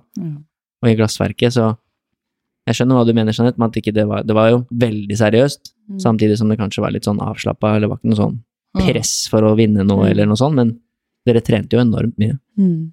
Ja. Gjorde det? Gjorde det. Masse trening. Ja. Jeg husker de, da Kenneth begynte med disse morgenøkta sine. Å, se her, ja. Morgenøkta si! Ja, her kommer det. det Eh, rett Seks på morgenen. Ja. Kvart på um, sju. Hæ? Jeg tror det var tidligste. Kvart på sju. Nei. Ja, uansett, da. Det var det grisetidlig. Og så husker jeg måtte ringe og si at du er forsovet meg, og det var typ klokka halv åtte. Og så fikk jeg det blikket når jeg kom på kveldstreninga etterpå. Jeg tenkte bare åh, herregud. Jeg husker vi er- hadde lørdagstrening klokka, klokka ti. Eh, og da forsov vi oss et par ganger. Vi? Ja, I hvert fall jeg. Ja. Tror du gjorde det også? Nei. Jo, det tror jeg du gjorde. Men uh, han ble ikke så sinna på akkurat det, da, heldigvis. Men uh, nei, han likte de morgentreningene. Morgentreninger, og etter håndballøkt så skulle vi ut og løpe intervaller. Å, fy søren. De husker jeg så godt. Da skulle vi opp Konnerudbakkene, er det ikke det der? Det heter der? Skulle vi løpe fire minutter opp Ja. de bakkene der. Ja. Eller Hvem på banen, da? eller noe. Men jeg husker jeg var ganske ivrig på de intervallene opp eh, bakkene der også, for jeg husker, jeg lurer om det var Tiril Gunther Merg som vi bare en dag var sånn derre Jeg har aldri trent så hardt som jeg har spydd. Det, Ja. det skulle vi prøve på den dagen. Ja. Du mener ikke opp slalåmbakken der? På oss, ja? For det er også lø- Nei, der var ikke jeg med. Å nei. Det husker jeg, eller hørte jeg rykter om at dere gjorde etter Ja, jeg det var, eh, det var dumt. Ja. Ja, Kenneth er glad i trening, Ja. og opp om morgenen og trene. Så Ja. det har dere vært vant til hele livet. Dere har alltid vært flinke til å stå opp og trene, Ja. og rekke, rekke to økter. ja. eh, Og få nok tid mellom de to øktene og sånn, som er et tips til de som sikkert lurer på det, for å lure inn litt sånn håndballting. Mm. dere trente òg tidlig fordi at da man rakk å hvile, og eventuelt jobbe, studere osv. før håndball igjen på kvelden. Da. Mm. ja. Så det var en tanke med det. Det er det jo. Absolutt. Slitsomt, men er vel å oppleve noen teambuilding-turer med Kenneth Gabrielsen? La oss ikke snakke om det. Det er en episode i seg sjøl. Ja. det verste Nei, det er dumt å si, men det verste var, tror jeg, den der teambuildinga når vi skal sykle fra Drammen til Norefjell. Men jeg skal bare si en ting. Jeg, Nei, det, må det- jeg si nå. Det angående teambuilding, så forstår jeg ikke trenere som skal sette laget sitt på en sykkel, og så skal de sykle 200 mil. Jeg forstår det ikke. Det er ikke teambuilding! Det er ikke teambuilding! Nei, men det var det jeg skulle si. Det, det, er det splitter bare laget. dummeste jeg har vært med på. Det er latterlig teit. Så det, det, jeg tror ikke det er mange trenere som ikke forstår hva det ordet betyr. Teambuilding.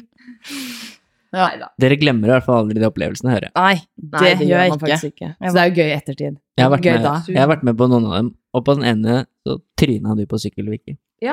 Var det med Rett ut, vilje ja. for å slippe å sykle? Nei, du, det var rett, rett utenfor uh, legekontoret der. Jeg husker det. Og jeg fikk en sånn stein rett inni Hva heter det her? Albuen. Albuen. Da husker jeg bare Det var Kari, faktisk, som kom og holdt meg. Nei, så sier det var Kristin eh, Nei, det var uh, Hva heter hun? Marte Kristin? Marte Kristin!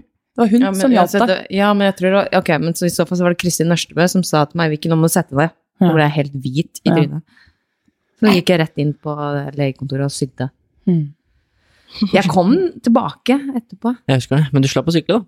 Du gjorde det vel ikke? Jeg sykla vel? Jeg tror du faktisk sykla. Sykla Sykla først du? var det vel bare 100 meter før jeg Vi sykla litt Ja. før da, så kom du etterpå. Ja, det Ja. gjorde jeg. Ja. Nei. Altså, husker dere den flotte teambuildinga med orientering i Svelvika? Må du bære sånn sekk... sak, Nei, sakksekker. Heter det? Sandsekker. Ja, Ja. det òg. Øh, løper mange timer roing og øh. Ja. Dere har trent mye og vært gjennom Hatt en trener som har vært glad i å pushe dere litt, da. ja. Men så blir man jo litt robust av det òg. Man gjør. Man Man gjør blir det. kanskje Det, er jo litt en, mer sikk- det har jo alltid vært en mening, ja, som du sier, Mm. vært en mening med det. Mm. For å teste eller eh, pushe psyken og sånne ting. Selv om det var til å spy av. Og der er dere gode. Men så er det jo litt sånn, dere var i glassverket alle sammen. Jeg husker Vicky ble tatt inn på landslaget den tida der. Jeg tror du vant et EM-gull òg. I 2014 der eller noe sånt. Kan det stemme? Ja, du har dårlig hukommelse, men jeg tror det. Ja. Eh, Altså, jeg debuterte i 2013. Ja. Mm. Kanskje du vant 2014 da. Det, ja, vi vant. Ja, det Mm. stemmer det. men så dro jo du til Danmark, Mm. til Midtjylland. Ja. Og året etter så dro Jeanette til Vipers. Nei, jeg dro Jeg hadde først Larvik ett år. Og så dro jeg tilbake til Glassverket igjen. Ja, hva er det jeg tenker med når hun dro til Midtjylland, så dro du til Vipers året etter, Mm. tror jeg. Å ja. Uansett så gikk i hvert fall turen deres videre, da. Fra liksom Drammen, men glassverket ble litt for lite, for dere ble veldig gode. Mm. Og glassverket var jo litt sånn, du ble ikke rik av å spille der. Så hvordan er den reisen videre? Du dro jo først til utlandet, og, Mm. og ble ordentlig proff. Ble ordentlig proff i FC Midtjylland. Ja, det var eh, Det var gøy. Det var litt skummelt å skulle flytte utenlands første gangen. Du ble dansk. Jeg ble dansk. Nei, eh, jeg husker veldig godt det første halvåret mitt var ganske tøft ute, ute faktisk, i Danmark. For da hadde jeg først og fremst fått en leilighet som det var eh, ikke noe møblert, ikke noe internett. Treningene hadde, med laget hadde for så vidt ikke starta sånn ordentlig. Så jeg var liksom aleine der, da. Jeg husker jeg gikk ned i Herning by og bare Eller by, gikk på biblioteket for å få internett. Så satt jeg der hele dagen aleine.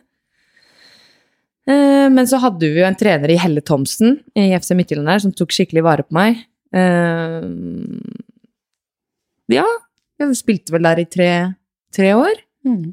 Stortrives. Eh, Det beste året mitt i FC Midtjylland var siste året mitt, under Christian Christensen. Og så ble jeg kjøpt ut derifra, FC Midtjylland til Gjør. I Hvem år? Hvor lenge har du vært der nå? Tre? Fire? Nei, det er fem år snart, er det ikke det? Nei, det er- Neste år så er det fem år. Det har vært i Gjør siden, i hvert fall. Ja, siden, du eh, siden 2018. Mm. Ja, det er fem år, da. Ja, det her er sommeren. femte. Det er riktig.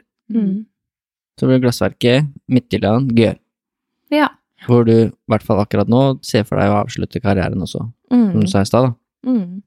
Og så er Jeanette sin reise litt lik deres. Mm. Hun dro til Vipers, der hadde dere også vært, Mhm. bare på en annen tid, da. Ja. Og Vipers er jo ja, akkurat nå det beste laget i verden, i hvert fall så har de vunnet Champions League Ja, de siste to årene. Jeanette har vunnet Champions League. Ja. Eh, du kan jo fortelle litt om hvordan det var å være i Vipers, men så dro jo du også til Danmark, til samme klubb som Ja. Vicky var i. Bare at Det det sjukt. Ikast, men det er jo samme Ja. laget, det er i Midtjylland, bare at det bytta navn til Ikast, da. Mm. Så reisen din har vært litt lik søstrene dine sine. Litt tilfeldig sikkert, men har vært lik Veronica sin, i hvert fall. ja. Det var vel litt irriterende òg. Alle var sånn der Ja, det har jo alltid vært sånn at eh, alle sier at jeg går i Veronica sine fotspor. Og det er jo sånn Ja vel, de kan si det hvis de vil, liksom. Men eh, jeg vet ikke, jeg. Det har liksom Jeg har tenkt på det litt i etterkant òg, at jeg går jo i Veronica sine fotspor. Når jeg har tenkt på det nå, så er det sånn Jeg har jo alltid tenkt sånn Å, jeg er like god som Veronica. Jeg har jo alltid sett opp til Veronica. Men eh, ja, den har vært, vært lik, men eh, likevel eh, ulik. Mm. Mm, Men det var noen fine år i Vipers, si noe om det, da, siden alle vet hvem, alle vet hvem Vipers er nå. Mm. Ja, og jeg er veldig takknemlig for årene i Vipers. Ja, de beste håndballårene mine som jeg har hatt. Mm. Dere har jo nevnt noen trenere her. Både Helle Thomsen, som tok vare på deg i Danmark, og Kenneth, som pusha dere på alt mulig rart, og Geir, og så videre. Men du hadde jo en trener i Vipers også, som jeg vet du syntes var veldig bra, som fortsatt er der, som Mm. het Ole Gustav. Ole Gustav, ja. Er, ja, det er den, tror jeg det er den beste treneren jeg har hatt. Ja. Veldig detaljert og veldig Ja. Han så deg som spiller. Ja, altså ikke, ikke bare sånn Du skal skyte der, gjør det, gjør det. Mm, mm. Liksom det. Det- Det var liksom Han utvikler spillere på en litt annen måte. Det var det jeg ville litt fram til, om du kunne si noen ord om hva som er grunnen til at du syns han er så flink. Nå har du vært inne på noe allerede. Ja. men, Nei, det er fordi han, jeg føler, eh, føler eh, han utvikler spillere på en eh, annen måte enn det veldig mange andre trenere gjør. Han åh, Jeg syns det er vanskelig å forklare. Jeg sier det, Man må liksom oppleve det, føler jeg. Det Mm. mange, sikkert noen som er uenig med meg, men jeg for min del så er det når jeg ser Når jeg spiller håndball nå, så tenker jeg jo på alt det han har sagt til meg og lært meg. Og jeg hadde jo Mm. bare han i ett år. Hadde du den ikke litt i Larvik òg? Jo, litt i Larvik, men da var jeg jo mest kant. Ja, ja. Så det er jo På det ene året jeg hadde han, så har jeg lært utrolig mye, liksom. ja. Han er veldig detaljert uh, styrt, Mm. som du sa. Ja. Det husker jeg godt, siden jeg jobba med han i to år. Mm. Ekstremt opptatt av detaljer. Så får den bare fram en sånn greie i deg. At du bare sånn Fy faen, skal vise at jeg er god, liksom. ja. Og det ja, Det er vel sikkert derfor han har gjort det så bra, da. ja. Mm. Vi skal snakke litt om Charlotte snart òg, men eh, for å avslutte litt med Jeanette sin eh, Altså. For så Vicky er liksom ikke gjør å holde, holde på nedi der. Ja. Men du dro jo fra Vipers til Ikast for å teste noe nytt. Og ble dansk cupmester der nede, faktisk. Mm. Jeg er god på statistikk. Ja, det gjør jeg. Men så ble du litt lei av håndball. ja, Du korona mista, kom jo. Ja, du mista motivasjonen egentlig litt. Mm. Kan du fortelle litt om det? Ja, korona kom jo, dessverre, eller pandemien. Og så dro jeg hjem. Eh, Jeg var jo ikke i Herning Ikast i et år engang. Jeg var der fram til eh, februar-mars, tror jeg. Og så kom eh, pandemien, og jeg var hjemme i Norge. Og så ja, var det noe Gikk det noe skeis der. Trenger ikke gå mer inn på det. Men uh, uh, Ja, og så gikk jeg jo tilbake til Vipers. Jeg sendte jo melding sjøl og sa liksom at uh, Hei, hei! jeg vil tilbake til dere! Og så fikk jeg lov til det. og så blei jeg jo gravid. Er det det ordet jeg ble gravid? I Vipers? Ja, jeg var i Vipers da jeg ble gravid. Ja, det var du, ja. Det Bra var, det er en, bra det er en statistikk når du er her, for ble du. Hæ? Halvveis inn i det siste året. Ja, Ja, og så mista jeg Så var jeg liksom ikke noe sånn Men var det ikke for, ble ikke du liksom sånn skada òg? Jo. Med akill... Jo, jeg hadde jo akillesen først. Ja. Jeg skada meg akillesen. Hadde det ganske lenge, egentlig. Og så øh, var jeg egentlig ganske lei håndball. Og så ble jeg gravid. Og så var planen egentlig å legge opp. Men øh, så tok Kent kontakt. Så plutselig så signerte jeg for Storhamar. ja. Og så var planen å legge opp igjen, da. Og så skjedde jo ikke det. Signerte jeg for Follo. ja. Men det er i hvert fall, du fikk jo med deg, selv om du mener at du ikke bidro, det gjorde du, for du spilte hele den første halvdelen av den sesongen, for jeg er litt statistikknerd. Ja. Men du har jo Champions League-gull, som du fikk med deg på tampen der. ja da. Bare- Og så den siste kampen, som er litt uh, spesiell, der du spilte på skal vi si, toppnivå, var jo Storhamar mot Vipers. Foran, foran 7000 mennesker på Hamar, så det var jo en litt spesiell kamp å avslutte med. Ja, når jeg spilte i Storhamar? Ja. ja. Ja, den kampen husker jeg. Husker jeg ganske godt. Det var gøy. Fin måte å avslutte på. Ja da. Selv om jeg ikke avslutta liksom. Men avslutta på, på toppnivå. Så det er litt som med Charlotte, vi skal snakke litt om deg og håndballen. Du ga deg jo litt fordi du fikk barn, og som du var inne på i stad. Ja. Og så spilte du et år i Stabæk, eh, i første divisjon. Ja. Vant første divisjon, rykka opp, Ja. og så slutta du. Det gjorde jeg. Så, så har du en lillesøster der nå som spiller i Follo i første divisjon, Ja. som kanskje også rykker opp. De leder serien nå. Ja. Og så får vi se om hun også slutter. Da gjør du egentlig akkurat samme som storesøster, så dere har litt like karrierer på mange måter, da. Ja. Men ta litt om din, da, eh, reise. Du spilte jo litt serien du òg, og var bra. Ja, jeg gjorde det. Det Ja. Det var gøy. Det var eh, Ja, som sagt, jeg la jo egentlig eh, opp da jeg blei gravid og sånne ting, men så begynte jeg igjen. Nå, jeg, ja, faktisk. Jeg begynte å trene nøyaktig fem uker etter fødsel. Med Jeanette, faktisk, som trener. Piska meg rundt uh, på banen i Drammen. Eh, ja, begynte å trene ordentlig igjen, og så spilte jeg vel et helt år der, før jeg ga meg litt igjen, og så ble jeg henta av Stabekk, av Tarjei Sundal, faktisk, som hadde Stabæk i den tida. For de trengte Det var noen skader og litt sånn forskjellig, og da henta de inn meg for forsvar. Jeg var jo, vil jo påstå å si at jeg var eh, ganske god i forsvar.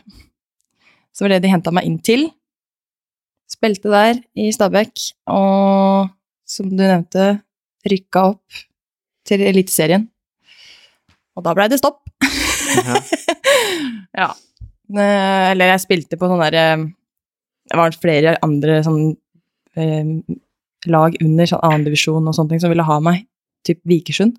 Så da ble jeg spillende trener i Vikersund et helt år. Uh, ja.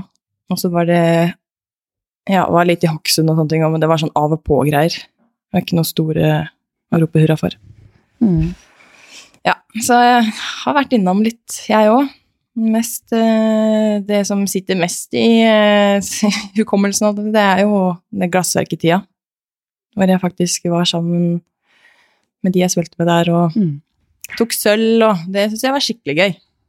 Ja. Da var jeg strekspiller, men jeg tok sølv. Ja. ja, det var morsomt år.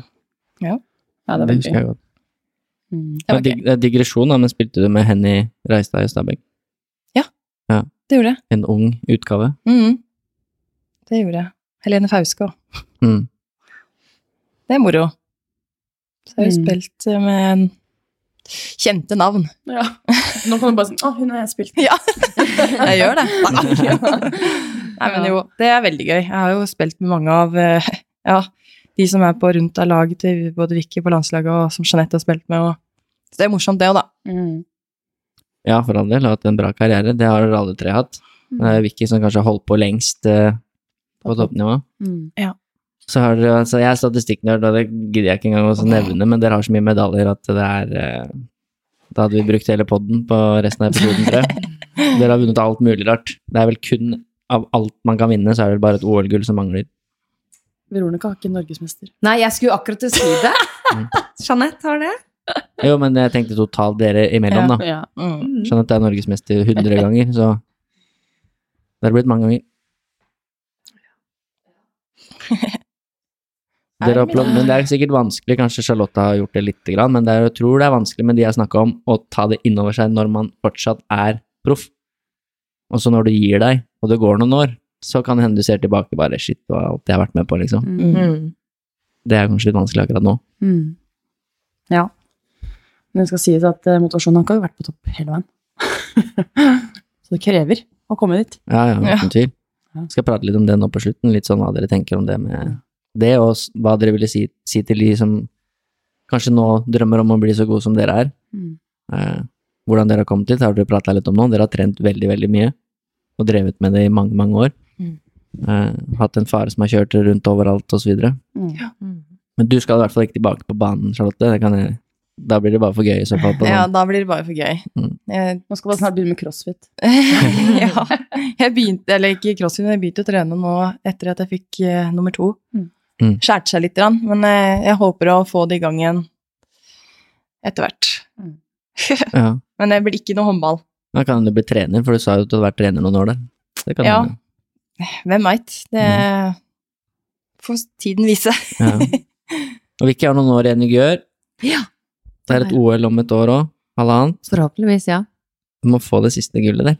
Mm. Det er bra. Og Jeanette sier jo at hun skal slutte hele tida, men uh, veit hun har fått litt tilbuder her og der også allerede nå, så vi får jo se hva som skjer. Ja. Det er en trener du liker veldig godt som tar over et bra lag også nå. Vi får se hva som skjer. Klarer ikke å utelukke det helt, i hvert fall. I min verden. Det er i hvert fall mye håndball på dere, Mm. og det har det vært hele veien, Mm. og er fortsatt.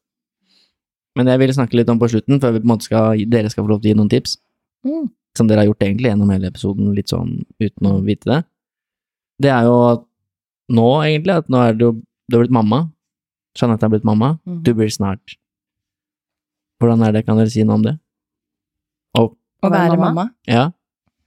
Og hvordan det eventuelt påvirker håndball og satsing og prioriteringer og Mm. Stressende. Du slutta jo med, hånd- du slutta jo med håndball på grunn av det. Ja. Jeanette spiller håndball med det, Ja. og det må Vicky også. Når du får barn, så skal Mm. du fortsatt være proff. Ja. Nei, jeg eh, Hvordan det er å bli mamma, det er jo noe magisk med det, da.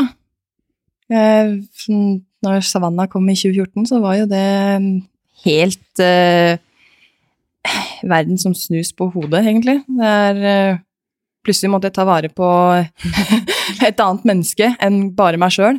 For tidligere så var det jo at jeg, jeg trente, eller jeg jobba, trente, kom hjem, spiste og la meg, selv om jeg hadde Frode ved siden av meg. Men så det, det blir liksom ikke Tanken blir ikke det å Oi, nå må jeg ta vare på deg òg. Misforstå meg rett, men da var det bare meg. Men så kom Savanna, og det er sånn derre Oi, nå må jeg planlegge litt mer her. Hva gjør jeg nå? Nå må jeg sette opp eh, en plan. Jeg står opp, jeg drar på jobb. Jeg drar rett fra jobb på trening. Jeg kom hjem og rakk å se Savanna en halvtime før hun skulle legge seg, ikke sant? Så det blir litt annerledes. Man blir litt annerledes som person òg, tror jeg. Ja. Eller jeg er i hvert fall blitt det igjen. Selv om jeg har hatt disse her å ta vare på. så blir jeg, ble jeg en annen person som mor sjøl. Man tenker litt annerledes. Man ser kanskje tre-fire skritt frem kontra hva man gjorde uten barn. Hva kan skje nå? Hvorfor skjer det? ja. Men du, ja, så valgte du å gi deg på grunn av det. Ja. Men veldig mange si, har jo sier i hvert fall som jeg prater, jeg har egentlig nå jobbet med ganske mange som har fått barn, Ja. og så spilt etterpå, og mange sier jo at de blir bedre etter de har fått barn. Ja. Så logistikken blir mer utfordrende, det er ikke noe tvil om. Mm. Eh, og så er det forskjellige historier og sånn, at noen kanskje velger å gi seg som du gjorde på grunn av din situasjon, videre. Ja. Eh, hvordan har det vært for deg, Sanne? Du har jo også spilt på høyt nivå og toppnivå med barn. Mm. Det er litt annerledes. Eh, da jeg spilte i Storhamar, så det var jo det året jeg ble mamma. Eh, nei, det går jo mye planlegging, da. Mm, men jeg følte liksom ikke jeg hadde det beste året i Storhamar. Eh, jeg føler heller at jeg er, er bedre nå enn det jeg var i Storhamar. Mm, Veit ikke helt hva det kommer av, men eh, kanskje at jeg slapper av mer. Eh, men det er planlegging. Altså, jeg har jo, har jo en samboer som var hjemme Tok jo hele permisjonstida. Fordi jeg spilte håndball. Ja, for man trenger på en måte ikke den når man spiller håndball. Eller du får egentlig Nei, ikke en sånn man kan liksom ikke ta ut den per permisjonen når man spiller håndball. For det er sånn, er du klar for å spille, så er du klar. Mm. Kan ikke bare sånn, nei, jeg har permisjon, så starter neste år igjen. Men der har du forskjellen Jeg jobba jo 100 ved siden av håndballen, så det var litt vanskelig for meg. Jeg hadde liksom ikke en proffkontrakt som det de har, som hadde håndballen som sin jobb. Eh, Sånn som Vicky òg nå, da. Hun har jo håndballen som jobben sin, og kan styre det med unge og ja, sånne ting. Ja. Det var litt vanskelig for meg. Det var derfor jeg også la opp helt, for det kom liksom ikke til det punktet hvor jeg hadde Proff. proffkontakt. ja. Eh, ja. Men det, altså, det krever jo planlegging, og det er ikke akkurat Det er jo ikke lett for han som er hjemme heller. Ikke, han hadde ikke lyst til å være hjemme hele tida mens jeg var ute og reiste. Så det er jo både tungt for meg og han. Det var ikke alltid alle dager som var like lette. Eh, Så det, ja. Men det gikk, og, men det skjer nok ikke igjen. Vi får se. Ja, Vicky, du sa du hadde en liten plan. Du hadde noen besteforeldre i Ungarn. Ja, altså, jeg vet jo ikke hva jeg eh, går til, på en Mm. måte. Jeg har jo bare hørt Altså, det er jo mange håndballspillere, du ser jo på Kari Bratseth nå, som er på vei tilbake. Så Stine Skogran, eh, Heidi Løke Det er jo mange håndballspillere som har klart å kombinere det. Men Mm. jeg tror nok du må ha den ekstra støtten på hjemmebane. Eh, partneren din eh, må jo forstå situasjonen og Og være en del av det, på en måte. Ja. Tenker jeg. Eh, men som sagt, jeg vet jo ikke hva jeg går til, så vi må jo fikse det på en eller annen måte. jeg tror også man må ha ikke bare partner, men også foreldre. Mm. Besteforeldre, liksom. Som, som også hjelper til. Fordi hvis partneren din eh, er ute og reiser, da, sånn som Charlotte har, Frode, liksom, så, så går det jo ikke. Hva skal du gjøre? Du kan ikke ta med deg ungen på en Champions League-kamp, liksom. Mm. Det hvem skal Kan vel det? Ja, men, Ja, men til en viss grad. Da må du ha barnevakt, da. Ja, du må jo ha barnevakt. Ja, sånn, ja. ja. planlegging og litt sånn. Jeg vet jo om flere som har tatt med på, opp, eh, på oppkjøring Mm. på tur og sånn, men eh, For det er litt fascinerende. Du har jo som sagt en mann som eh, også driver med toppidrett. Mm. I hvert fall nå. Mm. Så potensielt skal dere reise samtidig, Mm. hvis det er sånn som det er nå, da. Når det er Champions League bortekamp, så er det både du og han som må reise. Mm. Så da er man kanskje avhengig av Det er jo Litt avhengig av noe, i hvert fall. Nei, altså, jeg tenker at det be... Jeg tenker at man finner en løsning på det, ja. Eh, hvis det er det man vil, at det skal fungere i hverdagen, så må vi bare få det til på en eller annen måte. Mm. Uh, og så er jeg en veldig Jeg vil si at jeg er i en veldig god klubb, uh, og de har uh, forståelse for det meste. Mhm. Mm. Det er bra. Som du nevnte, Stine Skogran der, hun har jo også en mann som også spiller håndball på høyt nivå. Mm. De får det til. Ja. Det blir spennende å se. Ja. Hvordan er det med fremtiden, da? Nå har jo du sagt du skal avslutte karrieren i Gør, så det er jo kanskje litt annerledes for deg som skal spille håndball i hvert fall to-tre år til. Og Jeanette sier at hun skal slutte igjen og sånn, så får vi se. Men eh, begge dere to er utdanna til PT. Og Charlotte, du har jo vært i arbeidslivet i mange år. Ja. Du er på en måte Det er ikke et valg mellom håndball og arbeidsliv lenger. Nei. Men det er det jo litt for dere to etter hvert. Ja. Du har jo begynt litt å jobbe ved siden av håndballen nå. ja. Hvordan er det med det? For det ene punktet ditt Jeanette, var at du har ikke engang tenkt tanken på, eller kanskje du har tenkt, men du har i hvert fall ikke planlagt hva du har tenkt å gjøre etter å spille håndball, når du har vært i den bobla. Og så er du plutselig 30 år, og så hva skal jeg gjøre nå? Mm. ja. Nei, jeg blir nesten litt lei meg av å tenke på det, vet du. Nei, det trenger du ikke. Herregud, jo. Nei, det er veldig rart det der, for jeg har liksom Jeg har alltid sagt eh, at jeg skal bli håndballspiller. Så jeg har aldri vært noen sånn skoleflink. Herregud, det begynner jeg å grine av, liksom. Oi! Hva faen? Blir du følelse Ja. Men så ble du håndballspiller, og ja da, jeg ble jo det, men så har jeg aldri eh, Jeg har jo aldri tenkt å, det skal jeg bli, eller aldri visst hva jeg vil gjøre eller bli. Så, eh, så nå er jeg 30 år, da. Og da må jeg nesten finne ut hva jeg skal. Og jeg vet sånn cirka, men det er jo ikke, jeg får ikke begynt på det før om et år igjen. Så vi får se. det blir spennende Mm. å følge med. Du har jo begynt litt allerede, å jobbe litt ved siden av. Ja. Og driver litt med crossfit òg. Charlotte nevnte det i innledninga. Ja. Ja da, men det er jo ikke noe man tjener penger på. Nei. Så det, man må nesten tjene penger for å leve. ja.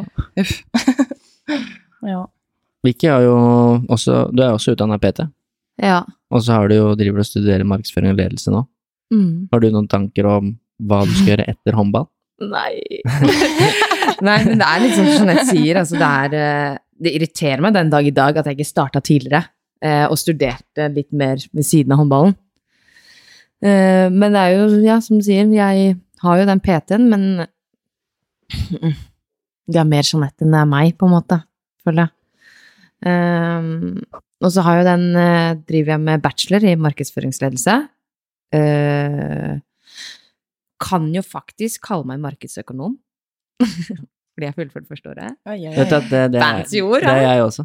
Så vi er bare enda likere. Er du? ja. Oh, ja. Bruker den ikke til noen ting. Nei, gjør jo ikke det.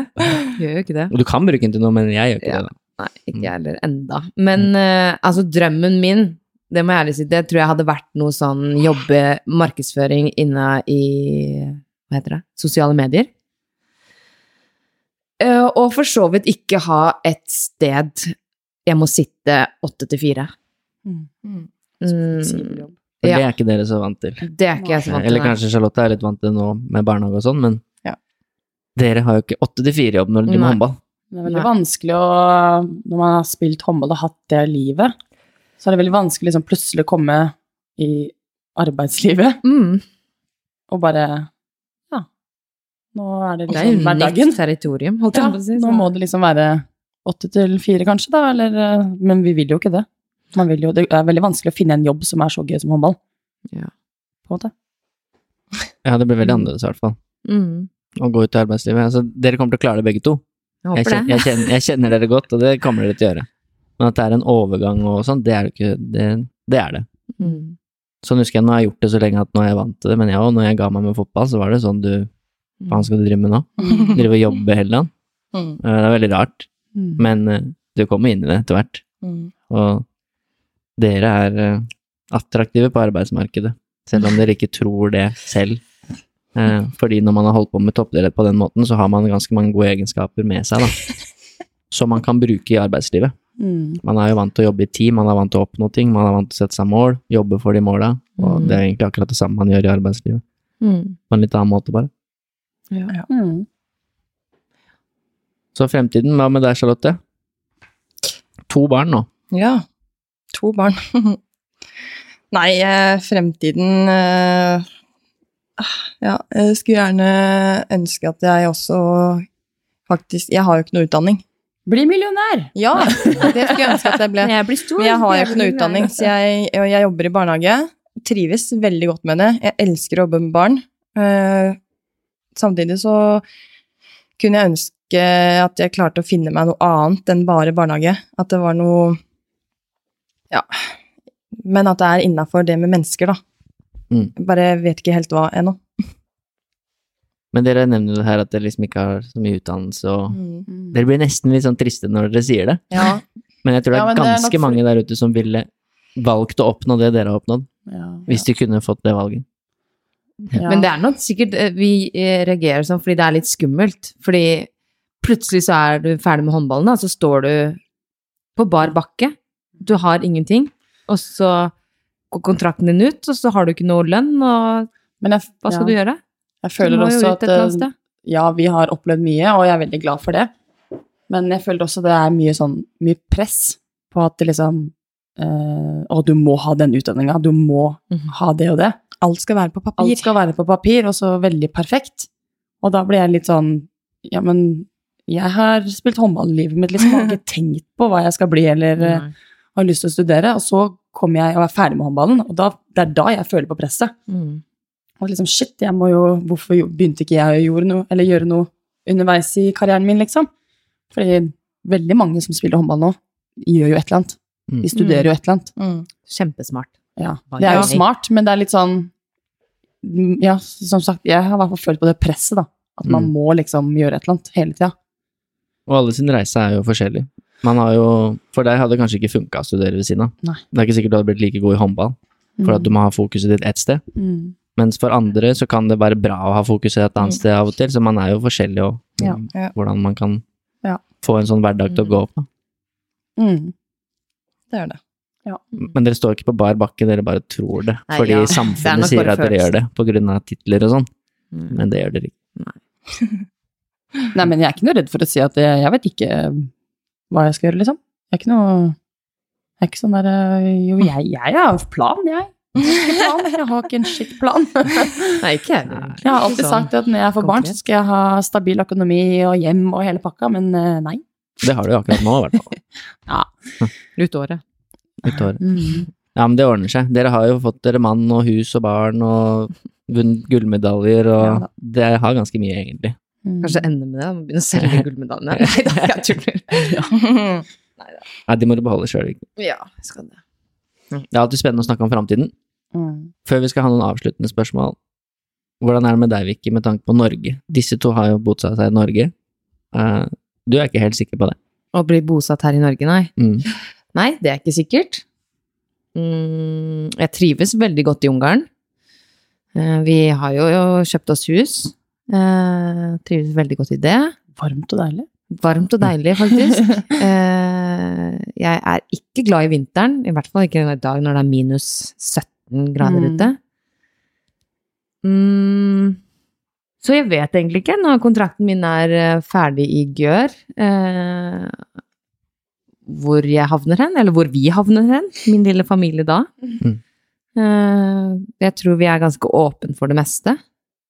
Så det er, vi egentlig tar Vi har ikke planlagt så mye lenger frem, men til 25, vi. Nei, jeg syns jeg er helt greit. Ja, syns du ikke det? Jo. Ja. Jeg liker det. Mhm. Man skal ikke planlegge for mye heller. Det går ikke an. Du er- klarer ikke å bestemme hva som skal skje i livet, du gjør jo ikke det.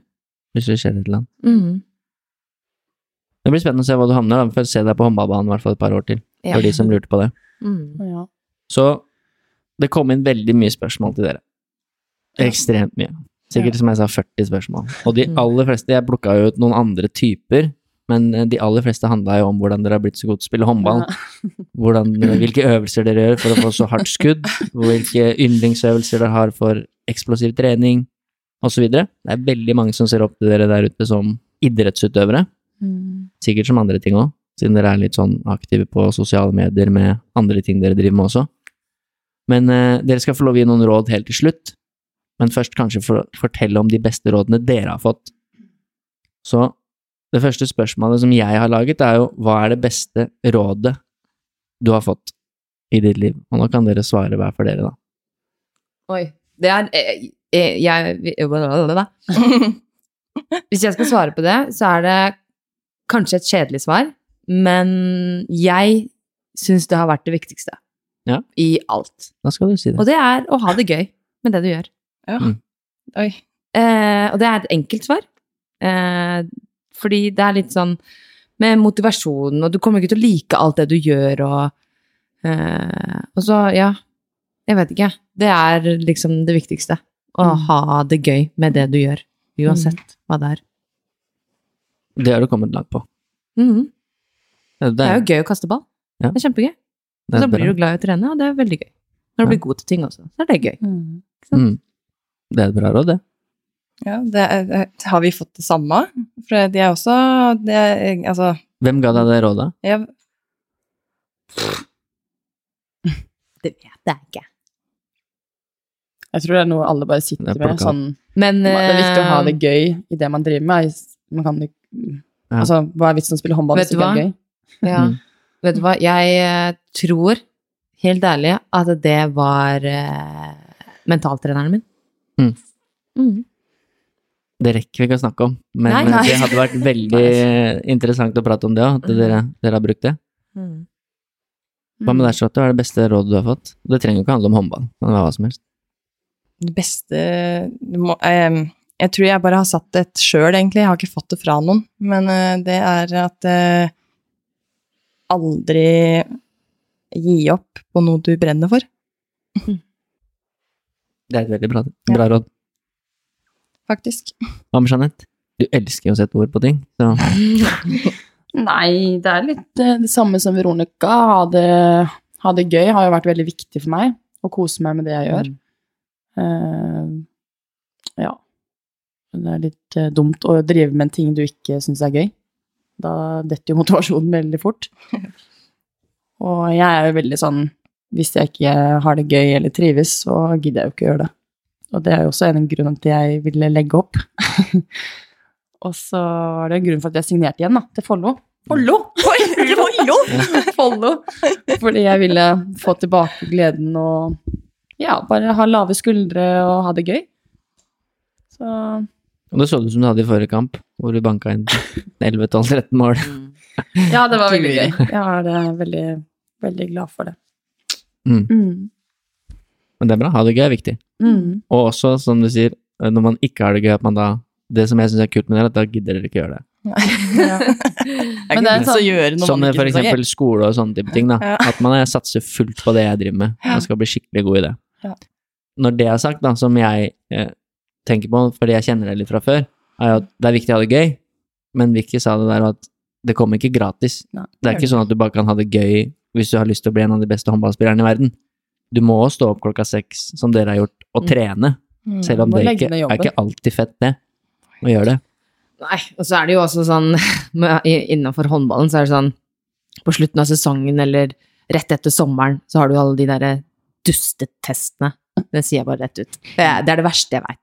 Mm. Eh, er liksom utholdenhetstester, styrketester, sprinttester, blubb, blubb, blubb. Som egentlig ikke gir noe mer du- Du har ikke lyst til å gjøre det, Nei. Men du må jo. Og eh, det hjelper deg jo. Det, du blir jo bedre av det. Eh, Da det blir du bedre av å løpe bedre på de beep. Blir du bedre i håndball av det? Nei, det er ikke det, vet du. Det er bare Nei, men det er liksom sånn, da, da setter du også et krav til deg selv, da, at du vet at eh, etter sommeren så skal du løpe en beep-test, eh, eller en jojo-test. Så setter du et mål ved å trene den sommeren. Eh, Så det hjelper deg jo. Mm. På den måten. Ja, sånn hjelper det, ja. Men Fordi du vil gjøre det bedre. Men det det er ikke gøy. til en bedre håndballspiller av å løpe en beep-test. Selve testen er ikke fet. Nei. Jeg tror det var Mats Hansen som sa det en gang i en eh, Jeg husker ikke om han var pod eller hva jeg hørte han Moren hans bor forresten rett over her, så den møter jeg på tur hver dag. Han er fra Lier, men han sa det at når han skulle på test, sånn løpetest, da, så misunte han alle andre han møtte, for de skulle ikke ha test i dag. Ja. Ja, ja. Alle han møtte. Ja. Det var bussjåføren. Ja. Du skal ikke teste i dag, det skal jeg. ja. Men det er nesten sånn. Ja, fy søren, altså. Det er jo døgnet før eh, vi skal teste. Det er helt forferdelig for meg. Helt forferdelig. Da er det sånn derre Det her gidder jeg ikke mer. Nå må jeg slutte. Men det er jo sånn den tanken du har da, så går det greit etterpå. Ja, jeg ser heller virkelig Jeg liker Charlotte. Jeg ser virkelig ikke poenget med beep-test og sånn. Fordi Nei. Det er sånn løpe fram og tilbake til en strek. Hva gjør deg god i håndball da? Det er sånn Du får testa deg hvor langt du klarer å løpe, men jeg løper, jeg løper bedre på en håndballbane enn det jeg gjør på beep. Da er det sånn der ah, nå gidder jeg ikke mer. Men det er det. Så er det, det er jo fordi det er gøy å løpe med ball i hånda. Ja. Ja. ikke. Du klarer å pushe deg litt mer, da. På en håndballbane enn det du gjør på en uh, beep-test. Det gjør man. Dere er jo ekstremt gode til å legge ned jobben som skal til. Ja. Bare at Mm. når det er pakka inn i ordet test, så er det ikke like fett Nei. Korrekt. Er, det, da. Er det fett for noen, egentlig? Nei, det kan ikke jeg skjønne. Nei, for det kan Ja. Nei, jeg trenger ikke å gå i detaljer på akkurat det. Men det, det er jo fun fact, jeg bruker 20 sekunder på det. Når jeg var litt med landslaget en periode og fikk lov å være med og se når dere testa og være med på litt samlinger og sånn, bare for å se hvordan det funka, så hadde dere sprinttest. Og da testa dere 10, 20 og 30 meter, tror jeg. Jeg tipper dere løper 30, men så tar de tida på 10, 20 og 30, da. Og da tror jeg det var én person i Norge som hadde bedre tid enn dere to på 10 meter. Og det Nei, var, Veronica? ja, og det var Esinne, Ja. Som er Norges beste sprinter. Ja. Jeg tror ikke de hadde registrert en tid som var bedre. Så det, det beskriver jo litt hvor raske dere er, da. ja. Jeg tror ikke jeg er like, like rask nå, da. Nei, kanskje ikke nå, men De trodde jo ikke på meg på Olympiatoppen. Nei. Når jeg løp eh, den sprinttesten. Måtte du ikke løpe den flere ganger? Eh, jo. Ja. De bare Det kan ikke være riktig. Kan du løpe en gang til? Jeg bare ja, løp en gang til. Så var det samme resultat. De bare Det er noe feil med den her. «Ja, det er- Du må løpe en gang til. ja, Men helt det, ekstremt gode tider på 10 meter. Også veldig bra på 20 og 30, men sånn helt vanvittig på 10, da. Mm. Dere er raske. Ja. Og uten, uten piggsko. Ja. Det, det er faktisk litt forskjell. Mm. Men det er kult, da. Og så er det det siste, før dere skal få inn noen tips helt på slutten, vi må rekke det nå. Hva er det verste rådet du har fått? Oi. Verste råd? Oi. Nå blir det stille. Two hours later. Har ikke peiling. Er det nå vi skal ta en pause? jo, jeg har et verste råd. Det var faktisk da jeg spilte i Mjøndalen. Da fikk jeg beskjed at uh, uh, Var vi i andre divisjon da? Ja, da fikk jeg beskjed om at uh, jeg hadde nok trengt ett år til i andre divisjon før jeg bytta til Glassverket. Første divisjon. Det, det rådet fulgte jeg ikke, da. Jeg gikk jo til Glassverket, første divisjon. Men uh, hvem den personen var, det trenger jeg ikke å si. Det gikk bra, det. Jeg vet ikke om jeg kan kalle det her et råd, men uh, det var en trener, jeg nevner ikke navn, som sa til meg at jeg aldri kommer til å bli uh, Ja. en god backspiller, for jeg er ikke høy Ja. nok. Så han mente at jeg skulle satse som kantspiller. Tenk å se for seg Vicky som kant nå. Ja, det er jo Det helt går ikke an. forskrudd. Det går ikke an. Han er en av de beste i verden. Det er jo et, eh, et råd som er bra for alle å høre, sånn på generelt grunnlag, at når man får sånne typer at du er for lav, eller du er for høy, eller du er for liten og sånn, det er bare tull, da. Det er bare Du har blitt en av de beste i verden nå. Det er ganske mange lave bekker nå, som er gode, Det er det. som er enda lavere enn deg også. Mm. Så det, du må ikke tenke på høyden til de som er der ute og tror, tror det. Hva med deg, Charlotte?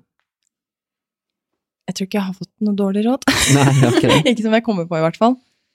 Sånn helt ærlig. Det er Jeg har sikkert det, men så har jeg bare fortrengt det, tror jeg. At jeg ikke gidder å høre på det, fordi det har vært så dumt. sikkert. Men jeg er- kommer, jeg kommer ikke på noe. Beskriver jo det litt, ja, at hvis det er dumt, så gidder dere ikke å høre på det. Ja, det er jo men like det- greit, det. Ja. Mm. Men vi har eh, fire og et halvt minutt igjen før det ikke er noe mer igjen på minnekortet. Oi, oi, oi. Så Hvor lenge er den minnekortet? den er ikke så lang, altså den er to timer. Det er mange som har vært lenger. Det er bare at jeg ikke har sletta en del ting. Ja. Så vi må bruke siste tida på først å si takk for at dere kom. Det var veldig kult å få samla alle. Mm. Uh, og dere har tilbyr veldig mye verdi til de der ute, mer enn dere tror sjøl. Det blir mye bra tilbakemelding. Men eh, til slutt så må dere få lov til å gi noen råd til de der ute, for det er masse unge idrettsutøvere som ser opp til dere. Alt fra hvor gode dere er til eh, hvor godt trent dere er, osv. Mm. Hva vil dere si til de som driver nå og jobber mot å bli veldig gode i idretten sin, da? Du kommer ikke til å ha eh, motivasjon hver eneste dag til det du gjør. Mm. Men uh, glem aldri hvorfor du starta med det. Oh. Den var dyp. Så kan du Ja. bare slippe mikken, Vicky. Ja, ja, det er vel noe av det jeg tenkte òg. Mer sånn Syns du det er gøy, så ikke slutt, liksom. Hold på til du, til du ikke vil mer. Ja. Og føler at dette vil jeg ikke, eller dette gir meg ingenting lenger. Så mm. Tørre å følge drømmen din? Ja. Mm. Ja. Mm. Og ta til deg eh, Hvis du får eh, mm, kritikk, så må du også ta til deg til det positive. Mm. Eh, alltid se det positive i det du gjør, og keep on going. Vær, egentlig også vær forberedt på at det kan være ting du må ofre. Ting du må nedprioritere. Og Ikke det kan det, det er baksiden det. Mm. av medaljen. Baksiden Ja. Det kan jeg si. Baksiden. Du har vel et prioritert bort Altså, det å prøve å planlegge ferier og sånn med dere, det er en mulig oppgave. Det er veldig vanskelig. Du må prioritere bort mye greier. Ja. Mm. Mm. Må det, dessverre. Men det er da du når langt òg, da, og kommer eh, dit du vil, hvis du setter deg mål. Ja. Det har du vært flinke på. Det er to minutter og ti sekunder igjen av minnekortet, hvis det er noe mer smart dere vil si, eller så Det var kjempebra. Ja. Fin episode. Ja. Gleder meg til å dele den, og det er sikkert mange som gleder seg til å høre noe. Jeg håper av det. det er sikkert ikke. Jeg tenker sikkert å herregud, det er bare sitter og skravler og babler i vei. Hva er det de snakker om? Ja. Det tar for lang tid å svare, og altfor lange svar. Nei, jeg tror det. Herregud, så glad Charlotte er i å snakke, tenker. Ja. Jeg tror det blir bra, altså. Mener du det? Nei, jeg bare tuller. Det blir sikkert bra. Det blir bra. Hvilket lag vinner Champions League i år? Jeg tror Bucuresti vinner. Oh. de er gode. Det tror jeg. Mm. Gjør. Veronica, Ja, du må si gør. Må Jeg har ikke fulgt med så mye, men eh, jeg slenger meg på der, for jeg tror eh, Jeanette har rett. Mm. Bucuresti. Bucuresti, ja. Det blir spennende å se. Kanskje det blir Gør Bucuresti i finalen. Men tusen takk for at dere var med. Tusen takk for at vi fikk komme. Tusen takk for at vi kom. Det var gøy.